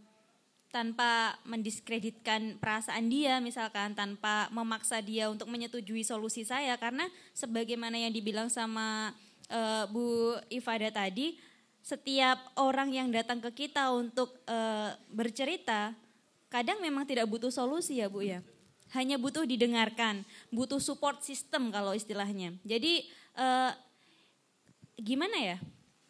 Kalau dia misalkan hanya minta uh, dukungan, tolong saya begini begini begini begini, tolong dukung saya karena saya tidak mendapat dukungan di uh, di dalam keluarga saya, saya tidak mendapat dukungan di uh, uh, saudara-saudara saya. Daripada nanti si teman saya ini kemudian uh, akhirnya memilih jalan jalan yang tidak seharusnya dia pilih misalkan bunuh diri dan lain sebagainya maka e, tanggung jawab saya dan kewajiban saya sebagai teman ya harus mendukung dia menjadi support system buat dia seperti itu. Itu sih. Oke tepuk tangan Mbak Umami. Mantap ini teman yang baik Mbak Umami ini. Teman hidup yang baik atau tidak tapi? Oke satu pertanyaan lagi saya persilakan kawan-kawan untuk bertanya. Uh, ma, ma, ma, ma, satu ya bingung oh ya masnya yang ini aja. Monggo. Baik, sebelumnya Assalamualaikum warahmatullahi wabarakatuh. Waalaikumsalam warahmatullahi wabarakatuh. Perkenalkan, saya Mamba. Saya ingin bertanya kepada Bu Ifada dan Gus Fahak. Jadi gini Bu, uh, realitas sosial kita memandang bahwa seorang transgender itu ada dan nyata. Pertanyaannya, ketika seorang laki-laki maupun perempuan, katakanlah laki-laki sebagai sampel lah, laki-laki transgender menjadi perempuan. Nah, secara aspek biologis apakah orang tersebut mengalami semacam menstruasi, ataupun haid dan maupun aspek-aspek biologis dan bagaimana Islam dalam kacamata fikih kontemporer itu memandang semacam uh, ubudiyah maupun aspek-aspek keagamaan lainnya. Mungkin cukup, terima kasih. Itu tepuk tangan. Untuk Mas siapa tadi namanya? Oh Mas Mamba, ya tepuk tangan. Mamba. Apa inspirasi orang tamu itu? Oke, itu temu, uh, pertanyaan dari Mas Mamba. Bagaimana kalau seorang melakukan transgender, apakah dia juga mengalami apa ya ritus atau uh, siklus yang dialami oleh uh, ketika bertransgender tersebut? Iya Mas Mamba, jadi uh, untuk seseorang yang transgender misalnya laki-laki ke perempuan ya atau lebih dikenal istilahnya itu transpuan, transgender perempuan. Ini secara biologis, jadi identitas seksualnya dia ini dia sebagai laki-laki. Jadi secara biologis dia ini sebenarnya laki-laki. Sama hanya identitas seksual itu sebenarnya kan ada di KTP itu loh. Jenis kelamin kayak gitu ya. Lah tapi itu kan tercantumnya udah umur 17 tahun. Lah usia yang anak-anak sampai sebelum 17 tahun ini memang harus jelas, diperjelas. Karena kalau tidak diperjelas ya ini pun juga akan menjadikan ya itu tadi ya, kebingungan, kebimbangan, bahkan kekacauan berpikir kayak gitu berkaitan dengan uh, antara identitas seksualnya dengan peran yang dia inginkan ini apakah dalam satu apa link yang sama atau tidak. Uh, jadi kayak misalnya uh, untuk transpuan ini dia secara biologisnya ya dia punya penis kayak kayak gitu ya. Jadi dia, dia tetap punya uh, alat reproduksi sebagai laki-laki, tapi dia secara kejiwaan pengennya diakui sebagai perempuan kayak gitu. Jadi makanya yang tadi saya sebutkan, maksudnya yang di realitas sosial yang sering kita jumpai itu adalah yaitu tadi teman-teman waria kayak gitu, wanita pria. Waria itu kan dari kata-kata wanita pria tuh. Kayak gitu. Dulu saya ketika uh, waktu zaman sekolah memang saya sempat meneliti tentang kehidupan waria karena berkaitan dengan skripsi waktu itu. Jadi memang ternyata kehidupan mereka ini ya sama dengan orang pada umumnya hanya saja memang dia ini ketika kehidupan sehari-hari yo dia yo umbah-umbah, yo masak dan sebagainya. Yo nggak macak juga kalau di dalam rumah, tapi ketika dia mau keluar lah dia ini kan pengen dandan cantik kayak gitu. Karena memang ada hal yang terkonstruksi itu tadi mas. Nah kalau untuk transgender perempuan ini juga dia nggak mau disebut mbak saya ada teman di Tulungagung dia maunya dipanggil mas kayak gitu jadi kalau ya memang dia seorang lesbian di lesbian itu kan juga ada istilah buci sama femme kalau buci itu yang lakinya kayak gitu, kalau fem itu feminin kayak gitu. Jadi mereka e, pasangannya itu seperti itu. Jadi dia pun juga sebagai apa itu seseorang yang memiliki kondisi biologisnya perempuan. Tapi dia terkonstruksi secara kejiwaan sebagai laki-laki. Karena ini yang bisa saya ceritakan untuk menjadi gambaran biar lebih gamblangnya. Kenapa kok dia seorang perempuan tapi dia maunya dipanggil mas? Karena dia dari kecil itu melihat ibunya ini sengsara oleh ayahnya. Dan dia ini memang pengen kuat bahwa perempuan itu kuat, tidak uh, tidak mau lemah. Jadi dia ibunya itu jadi gini, ceritanya ayahnya itu meninggalkan ibunya karena dia melahirkan seorang anak perempuan. Jadi si ayah ini menyalahkan ibunya. Karena kamu melahirkan anak perempuan jadi kamu tak cerai. Ini sudah ketidakmatangan seorang ayah. Lah apa sing menentukan jenis kelamin itu apa yo? Ibu E, kan yo Gusti Allah banggan, kan kayak gitu. Nah ini aja udah ada kekeliruan. Ini toxic parenting itu ya seperti ini. Nah dari setelah dia ditinggal oleh bapaknya, ibunya itu sering mengkonstruksi anak ini. Kamu harus kuat, kamu harus seperti laki-laki. Kamu harus merantasi, kamu harus bertanggung jawab. Lah ini jadi terkonstruksi makanya dia nggak mau dipanggil mbak, panggil mas atau langsung nama. Kayak gitu. Jadi kita lebih baik bertanya juga, mau dipanggil apa? Aku manggilnya gimana sama kamu? Nama aja misalnya. Atau yaitu mbak, mas atau apa. Enggak apa-apa itu malah jauh lebih enak. Kita enggak, enggak bingung. Lebih baik kita mengkonfirmasi saya manggilnya apa kayak gitu. Mungkin itu ya. Oke, tepuk tangan dulu Ibadah. Jadi itu ya Mas ya, gak iso. Iya, iya gimana? Pakai mic, pakai mic, karena kita masuk podcast ini. Podcast. Mohon maaf, ralat. Uh, jadi yang saya maksudkan tadi itu yang ganti kelamin ini loh Bu. Oh, oh Ya, yang ganti kelamin laki-laki misal diganti perempuan punya V, kemudian uh. apakah haid dan seperti itu. Okay. Mohon maaf sebelumnya. Ya. Jadi kalau untuk menstruasinya nggak bisa mas.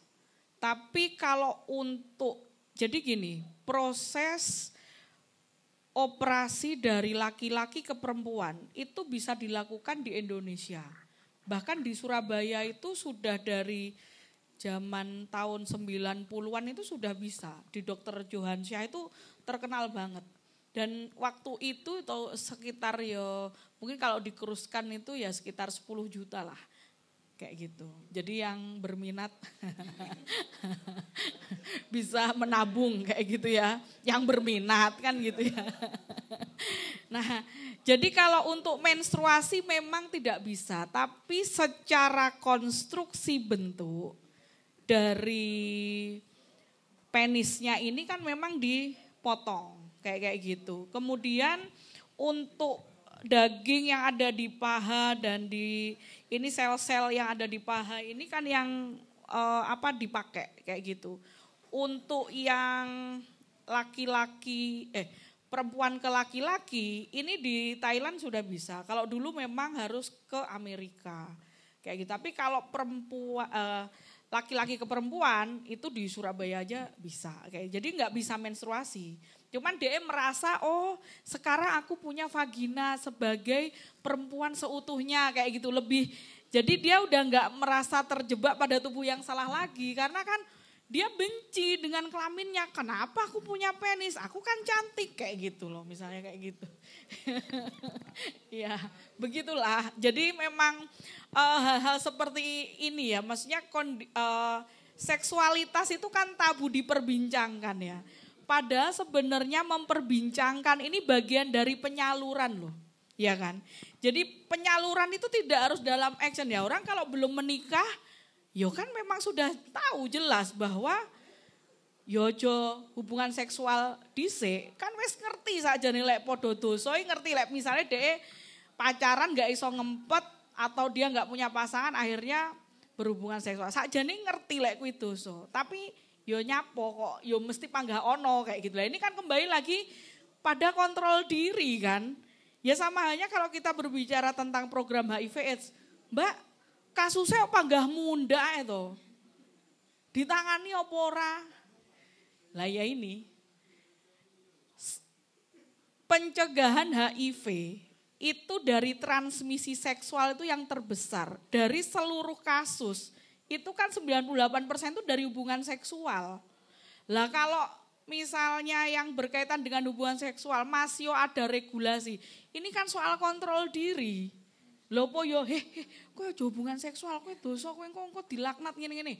Orang kalau sudah berhubungan seksual, kalaupun misalnya diomongi seperti itu, belum tentu mau kayak gitu.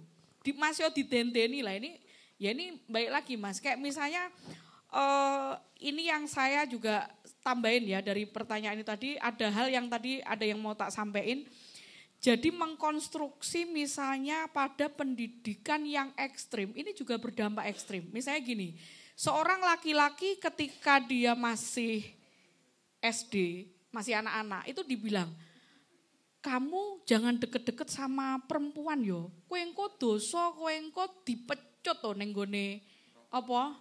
Nenggone neraka kayak kayak gitu. Maksudnya bapak ibu eh ben nanti dia ini tidak berpacaran gitu loh maksudnya. Tapi anak itu kan menelannya seperti itu. Lah nanti begitu puber dia ingat, loh lek karo podo, lek karo wong wedok kan dosa.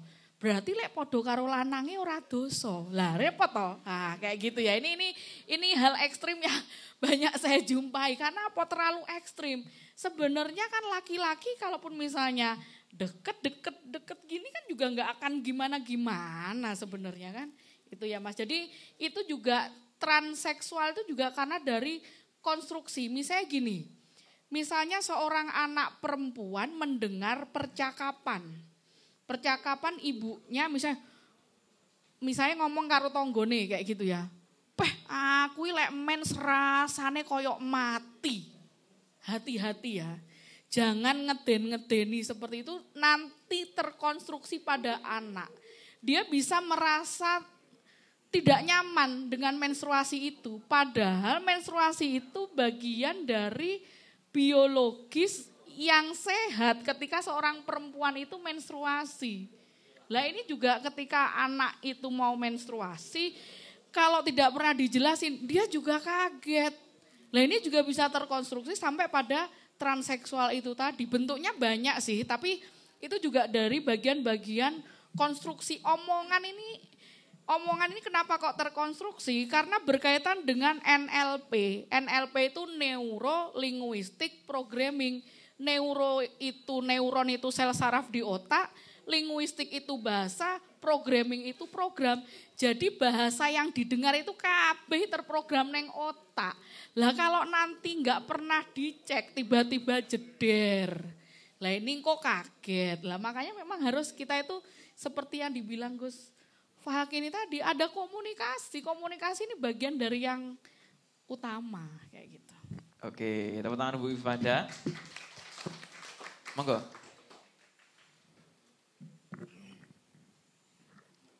Uh, pertanyaan mengenai transseksual dari Mas Mamba tadi, kalau dalam agama Islam, simpelnya kita akan bilang merubah sesuatu yang sudah fitrah dari Tuhan itu pasti dilarang. Merubah sesuatu yang sudah fitrah itu pasti dilarang.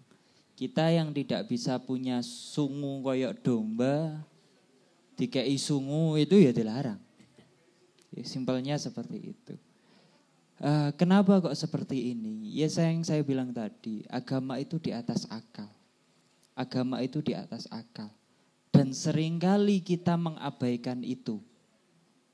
Oke? Okay? Kita itu seakan-akan menganggap sebuah pemikiran kita yang ilmiah itu sudah segala-galanya. Padahal Einstein sendiri juga bilang bahwa ilmu tanpa agama ini akan membutakan. Dan agama tanpa ilmu itu akan apa namanya tercerabut apa gimana itu bahasanya. Itu Einstein yang bilang.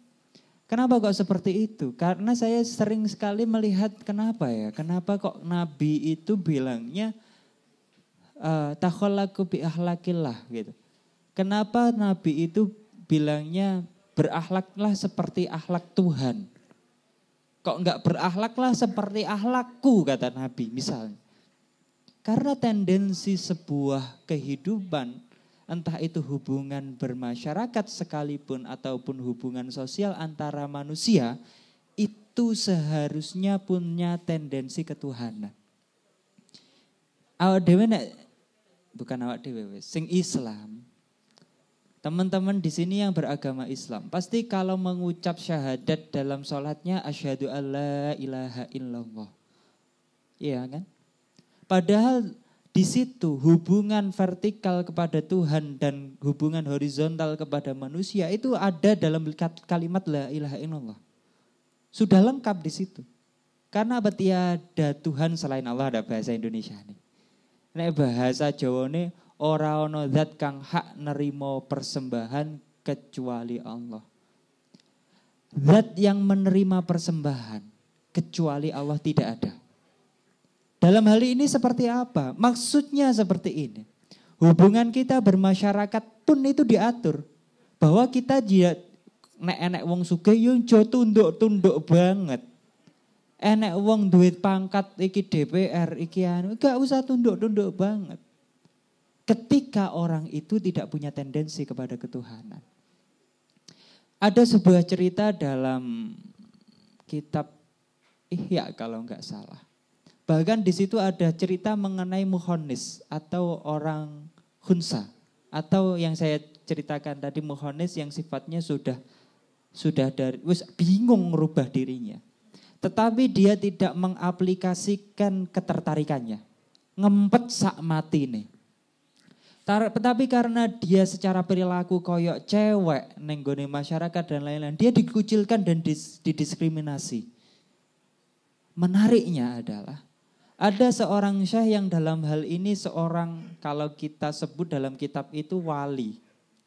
Paham ya wali ki Wali anggap aja orang yang punya kedudukan khusus di sisi Allah gitu aja. Orang yang punya kedekatan banget dengan Tuhan saat itu.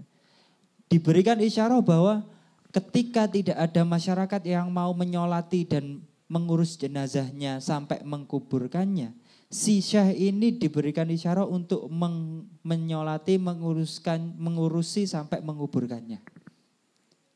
Agama begitu indah untuk membangun hal seperti itu.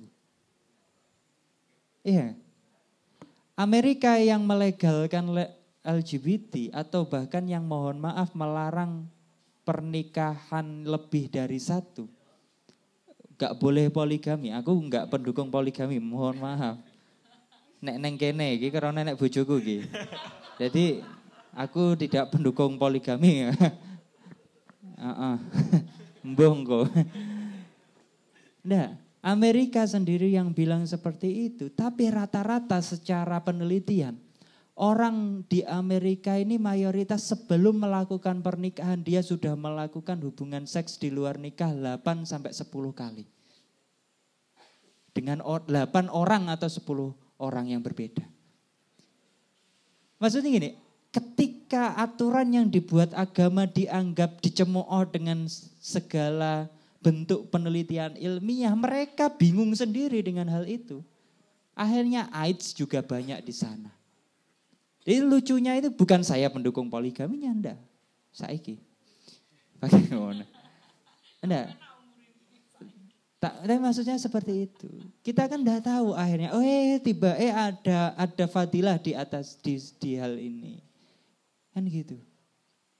Bahkan incest hubungan antara ayah dan anak-anak dengan ibu dan lain-lain masih saudara kandung. Ini banyak sekali di Amerika di Tulungagung juga ada. Jadi, jadi mohon maaf, Indonesia dengan negara kita yang bermoral, yuk sampai lah kita tersusupi dengan budaya yang budaya yang seperti itu. Menurut saya budaya kita istimewa, budaya kita begitu luhur. Jadi kita itu kadang ya loh, ketipu dengan oh ini orang profesional yang bilang menurut saya akhirnya hambar gitu. Agama dianggap begitu hambar. Ya di sinilah kalau kita bicara itu semakin zaman semakin moralitas itu tergerus. Ya seperti itu mas menurut saya. Ya. Oke tepuk tangan untuk Gus Fahak. Mau lanjut apa terus ini? Eh mau lanjut apa terus? Mau lanjut apa stop dulu ini? Atau mungkin ada saya buka satu pertanyaan lagi? Wih banyak ini, waduh. Oke deh, gini aja, biar adil ya. Semuanya aja tanya, adil kan? Adil. Oke, maju satu-satu. Mulai dari mas yang di sana.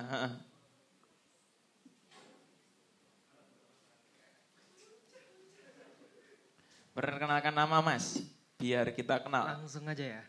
Perkenalkan, uh, nama saya Ria Minto Arbi, panggilannya Arbi. Eh, iya dah. Gini mbak, uh, yang saya bingungkan itu tentang fenomena pertemanan di, di lingkungan pertemanan saya. Jadi kayak teman-teman saya itu uh, mereka uh, salah satunya perempuan, mereka itu kayak gimana ya? mendukung, mendukung antara hubungan LGBT gitu, antara laki sama laki sama laki. Nah, yang saya bing yang saya bingungkan itu mereka itu meli, mendukung seperti itu, tapi ketika uh, ada yang waria atau di tempat saya itu gimana ya atau waria gitu. Intinya mereka itu nggak mendukung kayak jijik atau gimana gitu. Tapi ketika mereka itu lihat kayak yang sekarang kan lagi viral itu di series Thailand gitu kan. Series Thailand ya film Thailand itu kan.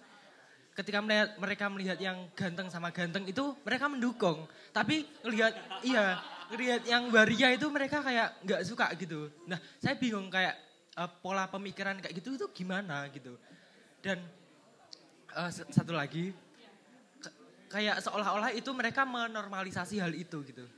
Tapi di belakang juga ternyata enggak gitu. Ya, terima kasih. Oke, tepuk tangan untuk Mas Ardi. Oke, yang satu lagi Mas. Tadi siapa tanya? Kayaknya tiga. Oh ya, Mas yang di sana. Monggo. Pernah nama Mas? Nama saya Muhammad Arif Sodikin. Di daerah saya ada orang lesbi yang tingkatannya mik mas parah pak. Deket deketkan mic saja biar terdengar semuanya. Maksudnya solusinya gimana? Kan ibaratnya digrebek kan nggak mungkin lek meteng toh.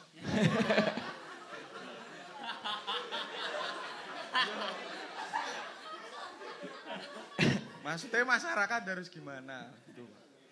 Oh iya. Terima kasih. Terima kasih Mas Arif tadi ya. Oke. Oke, satu lagi Mas yang di sana.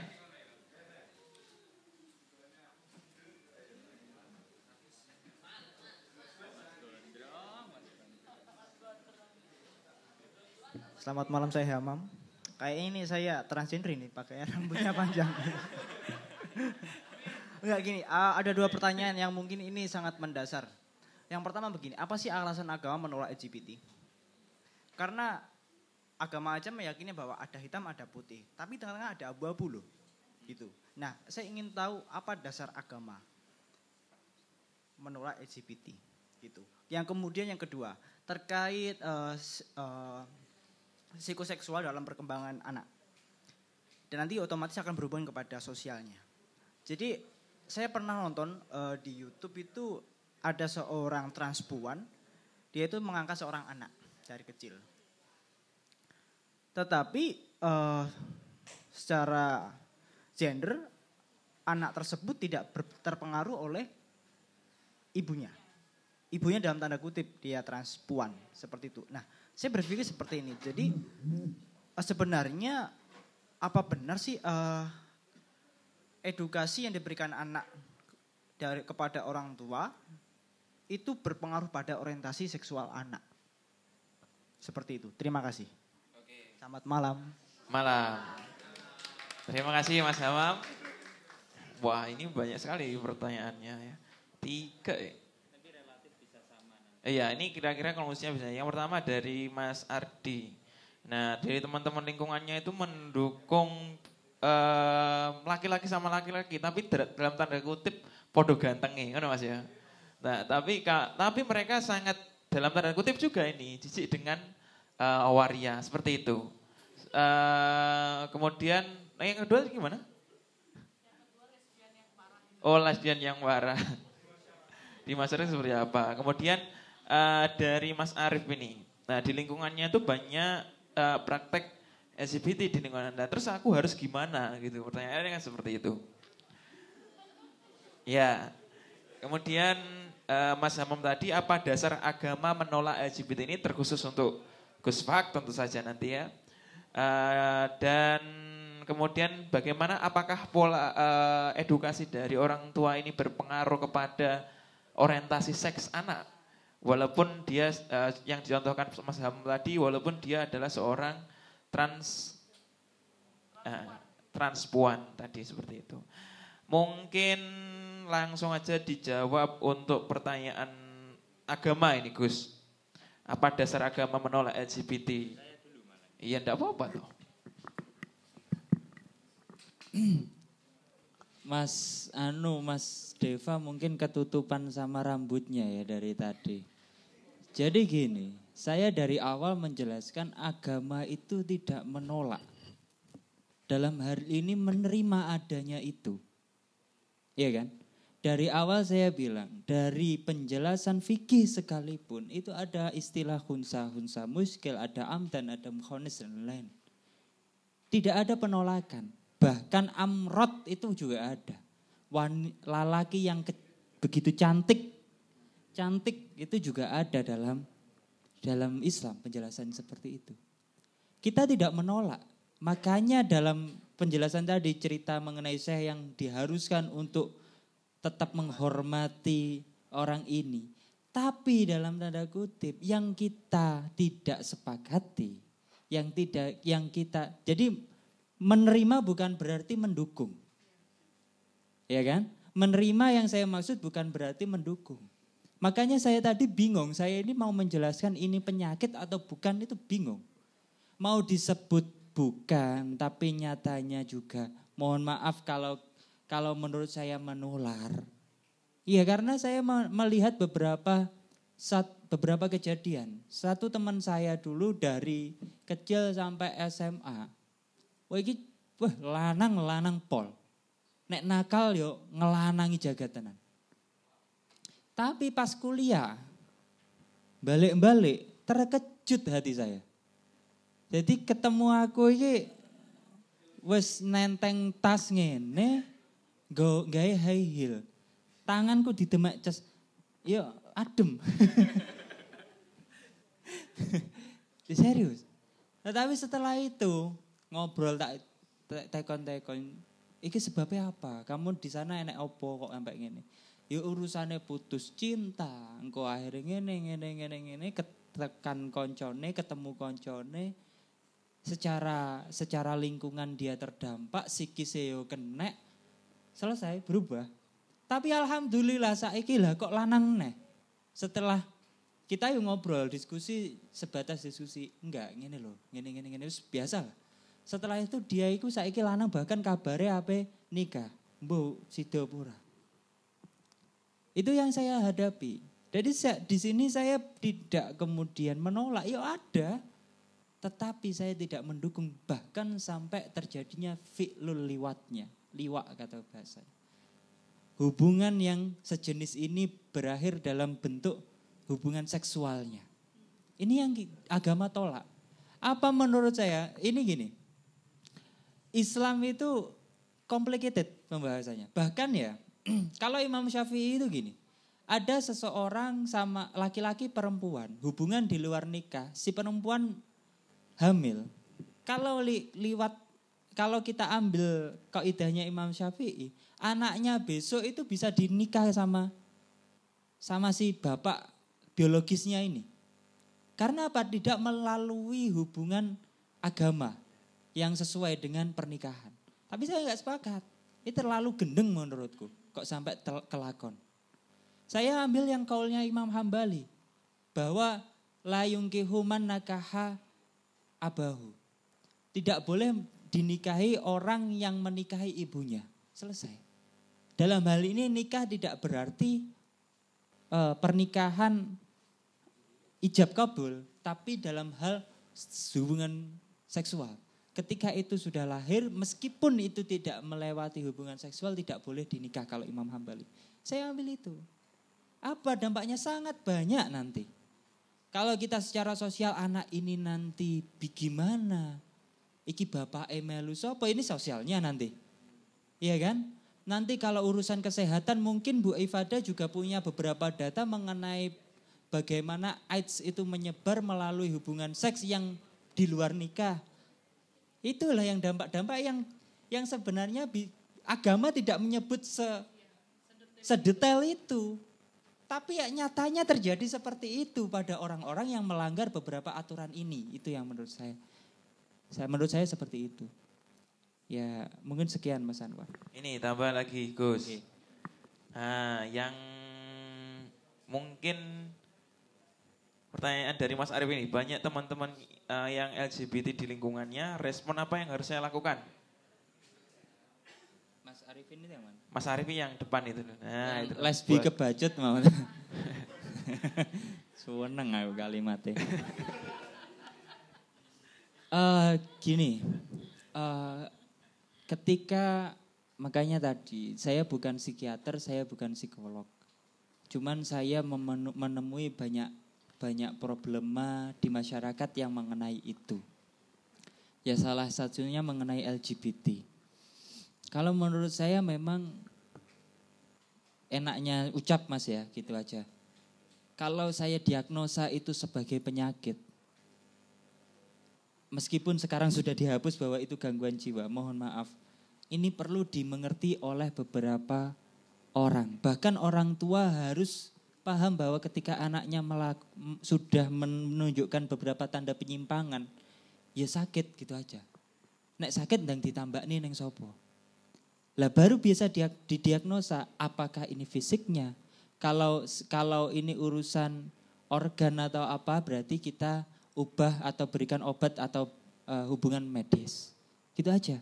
Kalau ini urusan psikis atau mental berarti kita ubah bagaimana apa kejiwaannya. Kalau ini urusan pola pikir berarti bagaimana kita rubah kognitif berpikirnya. Ya kan? Lingkungannya. Terus kalau ini urusan lingkungan berarti bagaimana kita memodifikasi. Itu harus disadari orang tua khususnya. Wah mau modifikasi lingkungannya harus seperti apa. Dan yang terakhir, kalau misalnya ini ada uh, semua ini, ini masuk dalam ruang holistik agama menurut saya. Maka kembalikan kepada agamanya masing-masing. Sing Kristen ya Kristen, sing Islam ya Islam. Karena menurut saya tidak ada agama yang mengiyakan itu dalam konteks yang tadi. Tapi kalau menerima dalam hal ada, ada, menerima semuanya. Itu loh. Nggih, tidak memungkiri. Oke, terima kasih tepuk tangan untuk Gus Fahak Rusdan. Nah, ini sekarang Mbak Umami, Mbak. Nah, yang pertanyaan yang pertama tadi dari Mas Ardi. Nah, jadi kawan-kawannya itu mendukung praktek ini kalau bisa istilahnya gay ya Bu ya. Ya laki-laki sama laki, ganteng-ganteng sama uh, ganteng tapi kok nggak mendukung yang uh, waria seperti itu. Wong Mas Anwar aja kalau lihat kalau warianya eh warianya Thailand aja ya oke okay, ya Mas. Oh. oke. Okay. Tapi kalau anu yo enggak masalah aku mah. Oh, masa. Ayo Mbak Mami, langsung aja. Iya, terima kasih Mas Anwar. Uh, saya jadi penasaran sama Mas Anwar ini. Wah. Iya, uh, dari pertanyaannya Mas yang tadi, mungkin uh, saya hanya bisa uh, ada kemungkinan-kemungkinan ya uh, dari ceritanya Mas yang tadi, kenapa dia bisa uh, jijik merasa jijik dengan waria sementara dia uh, sangat apa ya ngefans gitu ya bisa dibilang ngefans atau uh, tertarik dengan uh, apa? Uh, nanti biar saya cari saya nggak pernah lihat. Iya itu. Uh, mungkin nanti kalau dari segi psikologis bisa dijelaskan sama Bu Ifada tapi kalau menurut saya kembali lagi kita hidup atau kita berkelompok, kita berorganisasi, kita tidak lepas dari konstruksi. Jadi uh, dan uh, apa ya cara pandang, kemudian persepsi, kemudian yang lain sebagainya. Jadi uh, bisa jadi kenapa dia mengiyakan yang ada di series tadi, sementara dia menolak uh, waria, mungkin ada ada beberapa aspek yang membuat dia merasa jijik, entah perilakunya, entah e, cara mereka berpakaian yang ya kan bisa dibedakan ya antara waria yang ada di Indonesia dengan waria yang ada di Thailand seperti itu. Itu mungkin bisa jadi salah satu faktor. E, akan tetapi jika si temannya Anda itu mengatakan bahwa dia mendukung hubungan e, sesama jenis tapi dia menolak agenda eh, menolak adanya waria dan lain sebagainya mungkin bisa ditanyakan langsung ke temannya uh, yang dia dukung itu uh, adanya adanya homoseksual, heteroseksual dan lain sebagainya itu atau hanya uh, atau hanya karena dia menyukai seriesnya saja seperti itu. Dia suka. Oh gitu. Oh gitu. Gak setuju karena uh, itu jadi pekerjaan atau yang bagaimana? ya udah, berarti udah ada jawabannya. Emang karena nggak good looking aja makanya dia. Nah, uh, konstruksi cantik ganteng itu juga perlu ditanyakan kepada temannya Mas karena kita sendiri tahu bahwa cantik itu juga konstruksi, ganteng itu juga konstruksi. Kenapa orang uh, hitam dan orang kulit putih itu dibilang yang misalkan yang cantik adalah orang yang kulit putih karena itu konstruksi. Kenapa orang yang uh, rambutnya keriting bisa dibilang uh, nggak terlalu good looking dari orang yang rambutnya lurus? Itu juga konstruksi. Maka karena kehidupan kita itu tidak lepas dari konstruksi, uh, kita harus bisa uh, ya kembali lagi kita harus mau belajar. Kita harus mau memahami uh, memahami apa ya? Memahami bahwa hidup kita itu nggak nggak nggak terjadi karena begitu saja dari Tuhan kemudian langsung begini atau ini tidak given kalau istilahnya Mas Anwar ya. Ini tidak given. Jadi semua penuh konstruksi dan itu yang harus kita sadari dan dengan kita menyadari itu kita akan bisa menghargai, menghargai adanya perbedaan, keragaman dan lain sebagainya. Mungkin itu Mas Anwar. Tepuk tangan untuk Mbak Umami. Nah ini Bu, Bu Ifada. Dua pertanyaan untuk Bu Ifada. Saya khususkan ini. Uh, yang tadi dari Mas Ardi yang apa di lingkungannya banyak LGBT. Nah, saran Ibu terhadap Mas Ar Arif tadi bagaimana? Ya, oke. Okay. Jadi ini ya, jadi sebenarnya tadi bilangnya bahwa ono lesbian tapi wes level lagi kebangetan kan kayak gitu ya.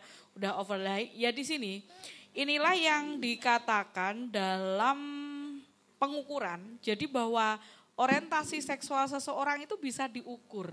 Dia itu ada di gradasi mana?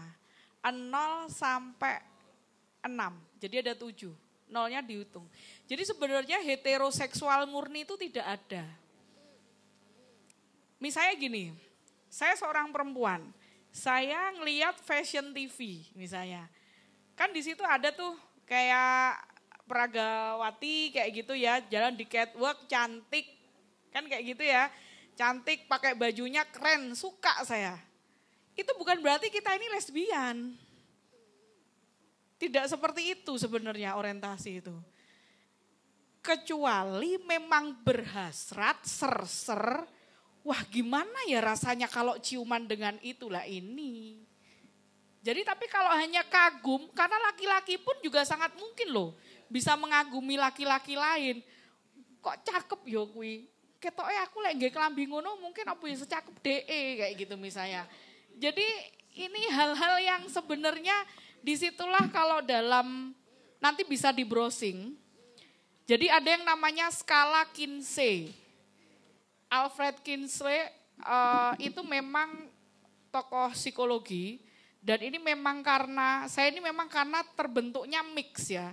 Jadi memang apa itu sekolah psikologi tapi juga ketika kuliah waktu di Jogja itu saya kerja di NGO dan NGO-nya ini kebenaran ngurusi isu-isu sosial termasuk kelompok marginal. Jadi di situ memang berproses sekali. Jadi bahwa hak-hak teman-teman LGBT ini tidak didapatkan ketika mereka itu misalnya misalnya dia ini berdandan misalnya, tapi dia sekolah terus dibully. Ini bisa loh dia akhirnya mutus sekolah misalnya kayak gitu. Nah ini ini kan sebenarnya kan di situ letaknya. Terus tadi ini mumpung menjawab pertanyaan karena ini orientasi seksual eksklusif yang seperti yang disampaikan Mas siapa? Mas Arif kayak gitu itu sebenarnya sudah lebih pada lesbian yang dalam orientasi seksual eksklusif. Sebenarnya orientasi seksual itu bisa dideteksi. Ini yang perlu difahami.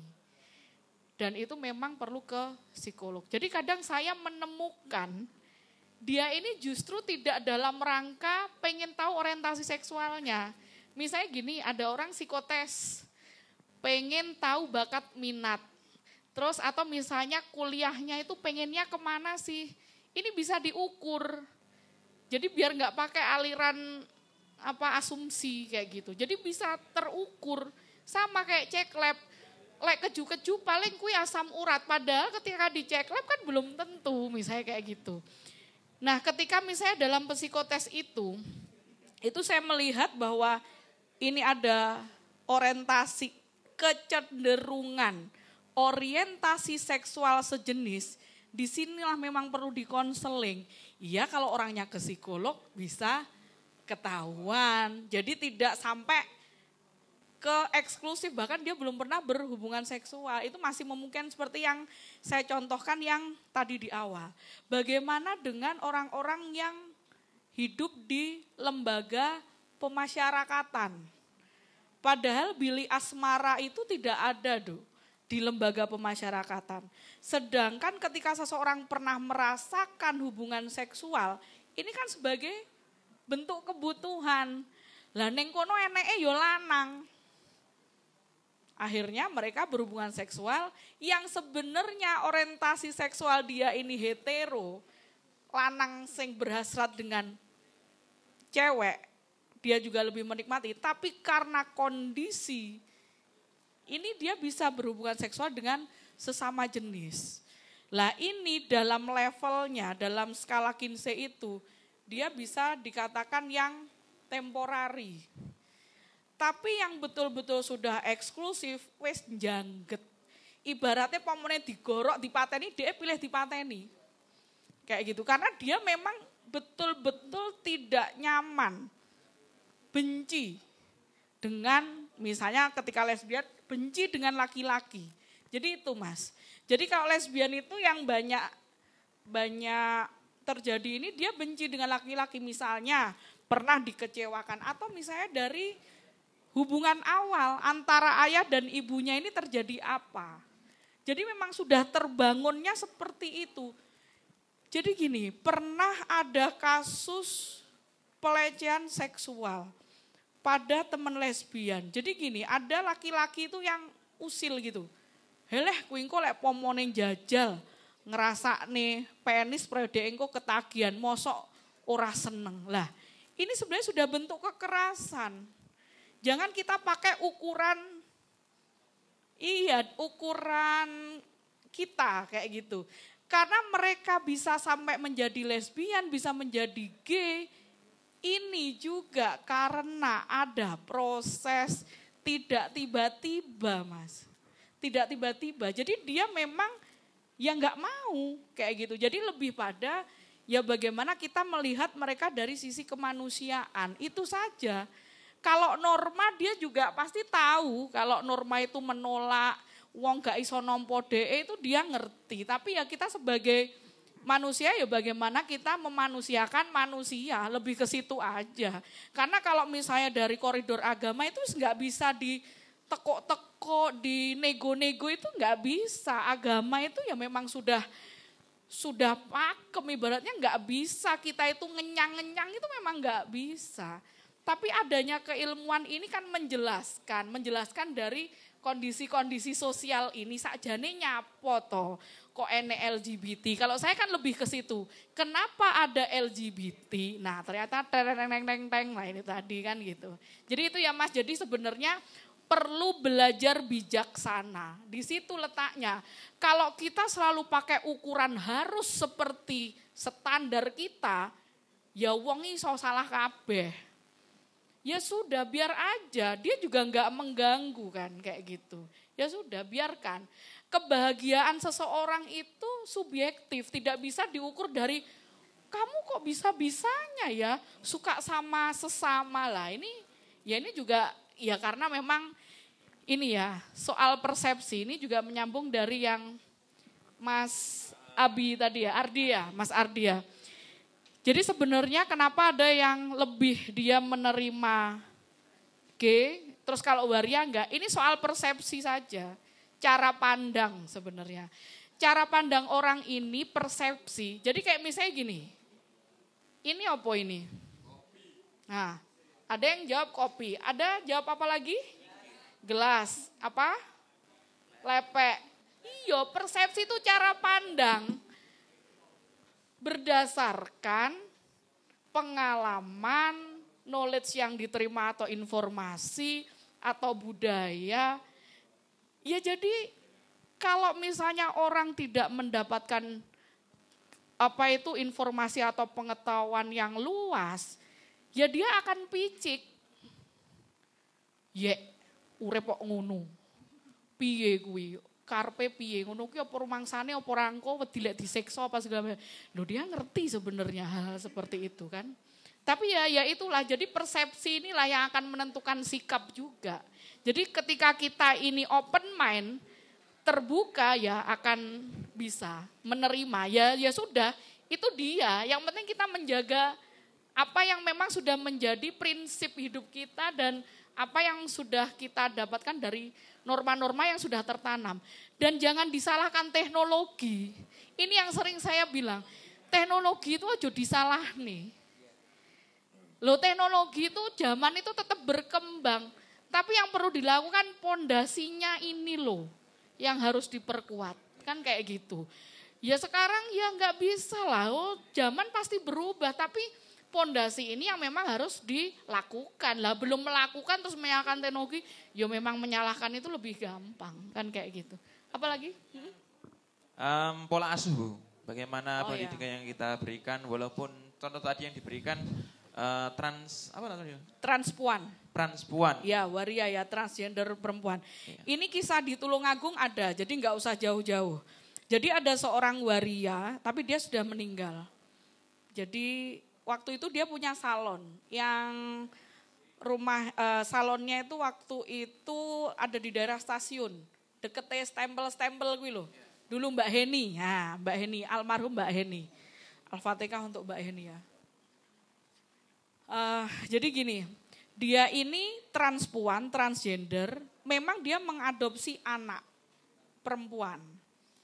Lah memang dalam hal ini dia memang waktu itu dia sempat nanya, Mbak aku carane jelas nih karo anakku piye. Memang gitu dia waktu itu. Ya saya bilang ya ya memberikan proses-proses informasi yang secara sederhana bahwa yo gak apa-apa mbak nanti pas dia kan kalau es, masih anak itu kan masih mengamati ya tapi dia memang betul-betul menjaga dia nggak lagi yang setelah mengadopsi anak dia ini betul-betul tidak begitu yang pacaran yang apa kayak gitu udah enggak karena dia betul-betul komit karena saya ini sekarang menjadi seorang ibu. Jadi aku kudung kayak contoh yang benar buat anakku. Lah itu memang ada komit dari dalam diri dia. Jadi anaknya pun memang tahu bahwa ibunya seorang waria. Yang beberapa waktu yang lalu saya ketemu pas lagi di swalayan kayak gitu, dia malah menyapa duluan ya dia memang ya memang ngerti ya mbak saiki gak enek mami rasanya sepi konyo-konyo gak tahu rono dan sebagainya. Jadi itu ya. Jadi memang sebenarnya tergantung dari pola yang diterapkan. Jadi gini, otak kita itu mekanisme cara kerja otak itu sebenarnya kan berdasarkan pola atau kebiasaan. Kalau kita membiasakan untuk bagaimana menghormati dan menghargai, misalnya suami istri aja deh. Kalau misalnya anak kan orang tua itu kan buku hidup buat anaknya. Jadi kan mesti didelok bapaknya karo ibu piye. Misalnya kalau bapaknya care atau ibunya juga mau care. Ini anak juga kan mengkonstruksi hal-hal yang kasih sayang, yang bagus, yang harmoni, kayak kayak gitu. Jadi ini, tapi memang pola asuh ini bisa berdampak ekstrim pada penentuan orientasi seksual ketika ada hambatan psikologis itu tadi. Itu memang. Lah ini bisa diketahuinya ya memang dengan ya konsultasi, kemudian juga dengan tes, memang ada tes. Kayak misalnya beberapa waktu yang lalu, ini menyambung dari itu ya. Kok mulai riuh sendiri? Iya, jadi waktu itu saya diundang di sebuah instansi, instansi ini bertanya-tanya, Mbak, kalau di kepolisian saja atau di TNI itu kok bisa kecolongan ada LGBT, bagaimana dengan instansi kami? Padahal kan seleksinya ketat. Apa kayak gitu nggak bisa dilihat? Bisa. Tapi kan itu tidak masuk dalam kualifikasi yang memang harus kita sampaikan. Misalnya saya diminta perusahaan A untuk merekrut karyawan misalnya ya, atau ada promosi jabatan. Itu kan pasti ada psikotes ya. Nah itu analisa dari proses psikotes itu sebenarnya kan berdasarkan kualifikasi. Sebenarnya kita ngerti ada beberapa yang itu bagian dari LGBT atau memiliki kecenderungan orientasi seksual sejenis. Ya tapi yo nggak disampaikan, wong itu tidak diminta kok. Karena itu kan juga sudah melanggar HAM. Itu kan tidak berkaitan dengan intelijensi, kepribadian kan kayak gitu. Ya itu. Jadi sebenarnya itu bisa juga. Jadi biar jadi mereka menjadi seperti itu LGBT kan sebelum mereka itu berada di instansi tersebut. Tapi kan karena proses hubungannya dengan bapak ibunya. Saya punya pengalaman yang unik. Waktu itu saya mengisi, jadi yang hadir itu semua ABRI, apa TNI. Saya ngomong kayak gini, bahwa seorang ayah ketika dia itu melakukan kekerasan, baik itu verbal ataupun fisik, hati-hati. Itu sangat terekam pada anaknya. Saya paham profesi bapak-bapak ini TNI dan juga memang dengan kekerasan tapi itu adalah profesi. Tapi sebagai porsi sebagai seorang bapak, ini jangan disamakan dengan profesi. Wah di situ rodok beberapa orang itu kerontak merasa saya menyentil dan me, jadi mereka langsung berbicara, wah berarti aku salah selama ini. Anakku tak tendang-tendang karena dia tidak disiplin. Loh, disiplin boleh diperlakukan. tapi jangan sampai ya itu tadi. Oke, Jadi Ibu. pola asuh itu ya Mas. Ah. Jadi pola asuh ini memang sangat penting untuk mem- mendidik orientasi seks dari anak kita nanti. Tepuk tangan untuk Bu Ifada. Oke, eh, nampaknya kita sudah di ujung acara dan sudah lewat sebenarnya ini. Jadi eh, mungkin itu yang disampaikan pemateri bahwa banyak hal yang sebenarnya kita tidak tahu dan pada kesempatan malam hari ini kita belajar banyak dari ketiga pemateri ini. Terima kasih sekali kepada ketiga pemantik kita pada kesempatan malam hari ini atas kerawuhannya. Jadi dan ini sudah di ujung acara, saya minta doa aja langsung Gus. Da, agar malam ini uh, kita dipenuhi dengan keberkahan. Malam Jumat Gus. Monggo. Jenengan no. Isin aku.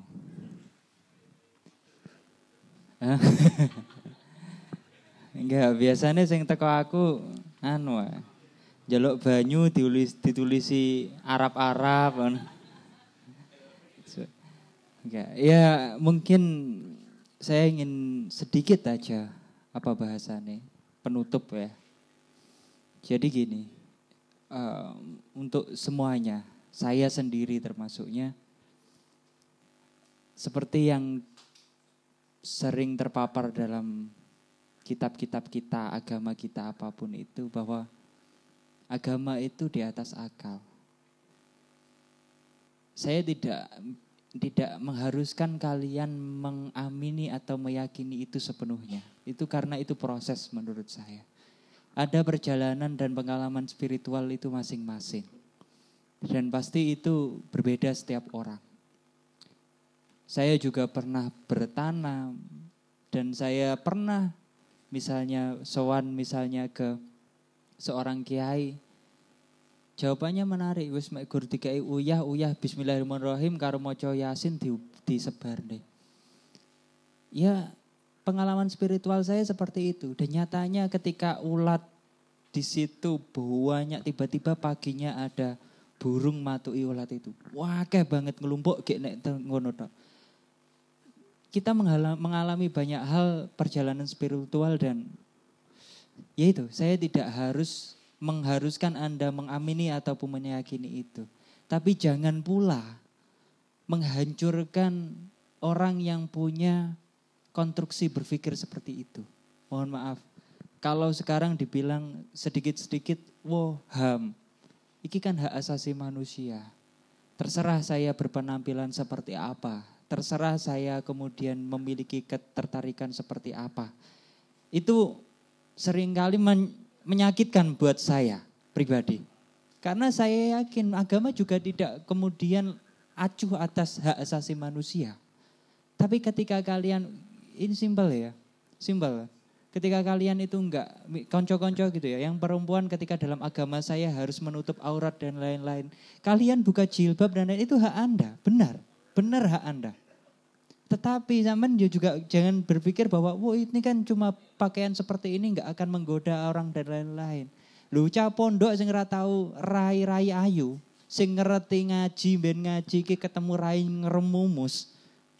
Elek-elek ngono kae. Iki ngerti sampean mek gur ndak kudungan urung gawe daster, urung gawe tank top karo celana gemes, kurung. Cukup ada wanita yang pakai membuka anu kerudungnya terus kemudian berbau wangi, iki iso ereksi loh. Serius. Jadi jangan samakan kata Bu Ifadah, jangan memukul rata sama seperti Anda, tidak bisa. Agama itu faukal akal. Mungkin ini yang yang ingin saya paparkan sedikit Mas, mohon maaf waktunya. Untuk doa, ya doanya sama, tapi karena saya ditunjuk untuk memimpin di sini ya dengan agama saya, mungkin teman-teman yang beragama berbeda monggo berdoa di hatinya masing-masing dengan sesuai dengan agama yang sama monggo mengamini sedikit yang menurut saya menurut Anda doa saya ini benar menurut Anda. Gitu ya. Bismillahirrahmanirrahim. Allahumma salli wa sallim wa barik ala sayyidina Muhammadin fil awalin, wa salli wa sallim wa barik ala sayyidina Muhammadin fil akhirin wa salli wa sallim wa barik ala sayyidina Muhammadin fi kulli waqti wahin wa salli wa sallim wa barik ala sayyidina Muhammadin fil mala'il a'la ila yaumiddin walhamdulillahi rabbil alamin Rabbil lana wa liwalidina warhamhum kama rabbauna sighara rabbi ighfir lana wa liwalidina warhamhum kama rabbauna sighara rabbi ighfir lana wa liwalidina warhamhum kama rabbauna sighara Rabbana atina fid dunya hasanah wa fil akhirati hasanah wa wa adkhilna jannata mal abrar ya aziz ya, ya alamin. Allahumma rzuqna husnal khatimah. Allahumma rizukna husnal khotimah. Allahumma zidna uluman kathiratan nafi'ah. Warizukna amwalan kathiratan nafi'ah. Allahumma nawir kulubana. binuri hidayatika kama nawartal ardo biqamarika wa syamsika abadan abada. Allahumma jema'na jam'an marhumah. Allahumma jema'na jam'an marhumah. Allahumma yasir umurana wa hasil maqasidana wa balighna ilaika ya Allah ya Rahman ya Rahim.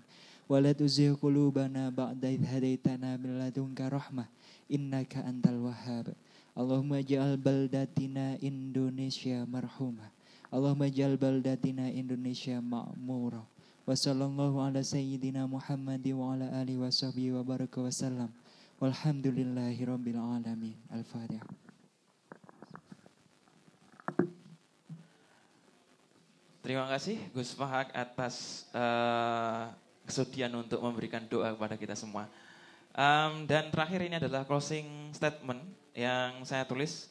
Kalau biasanya saya tulis ketika berdiskusi, ini saya tulis dari rumah ini yang ini. Oke. Okay. Jika cahaya adalah gambaran perwujudan Tuhan, maka spektrum warna adalah manifestasinya. Tuhan menciptakan beda agar memaparkan karya dan rasa. Bahwa lidahmu perlu asam, pahit, asin, dan manis untuk berucap lezat. Apa artinya terang bila tak ada gelap? Apa artinya bahagia bila sedih tak tercipta? Banyak orang menebar perselisihan, mengambing hitamkan perbedaan mereka semestinya sadar itulah cara Tuhan untuk memperlezat kehidupan. Sebab Tuhan tak pernah menciptakan sia-sia. Selalu terkandung hikmah di baik sebuah cerita. Demikian inilah ngaji ngopi, berdiskusi mencari ngerti.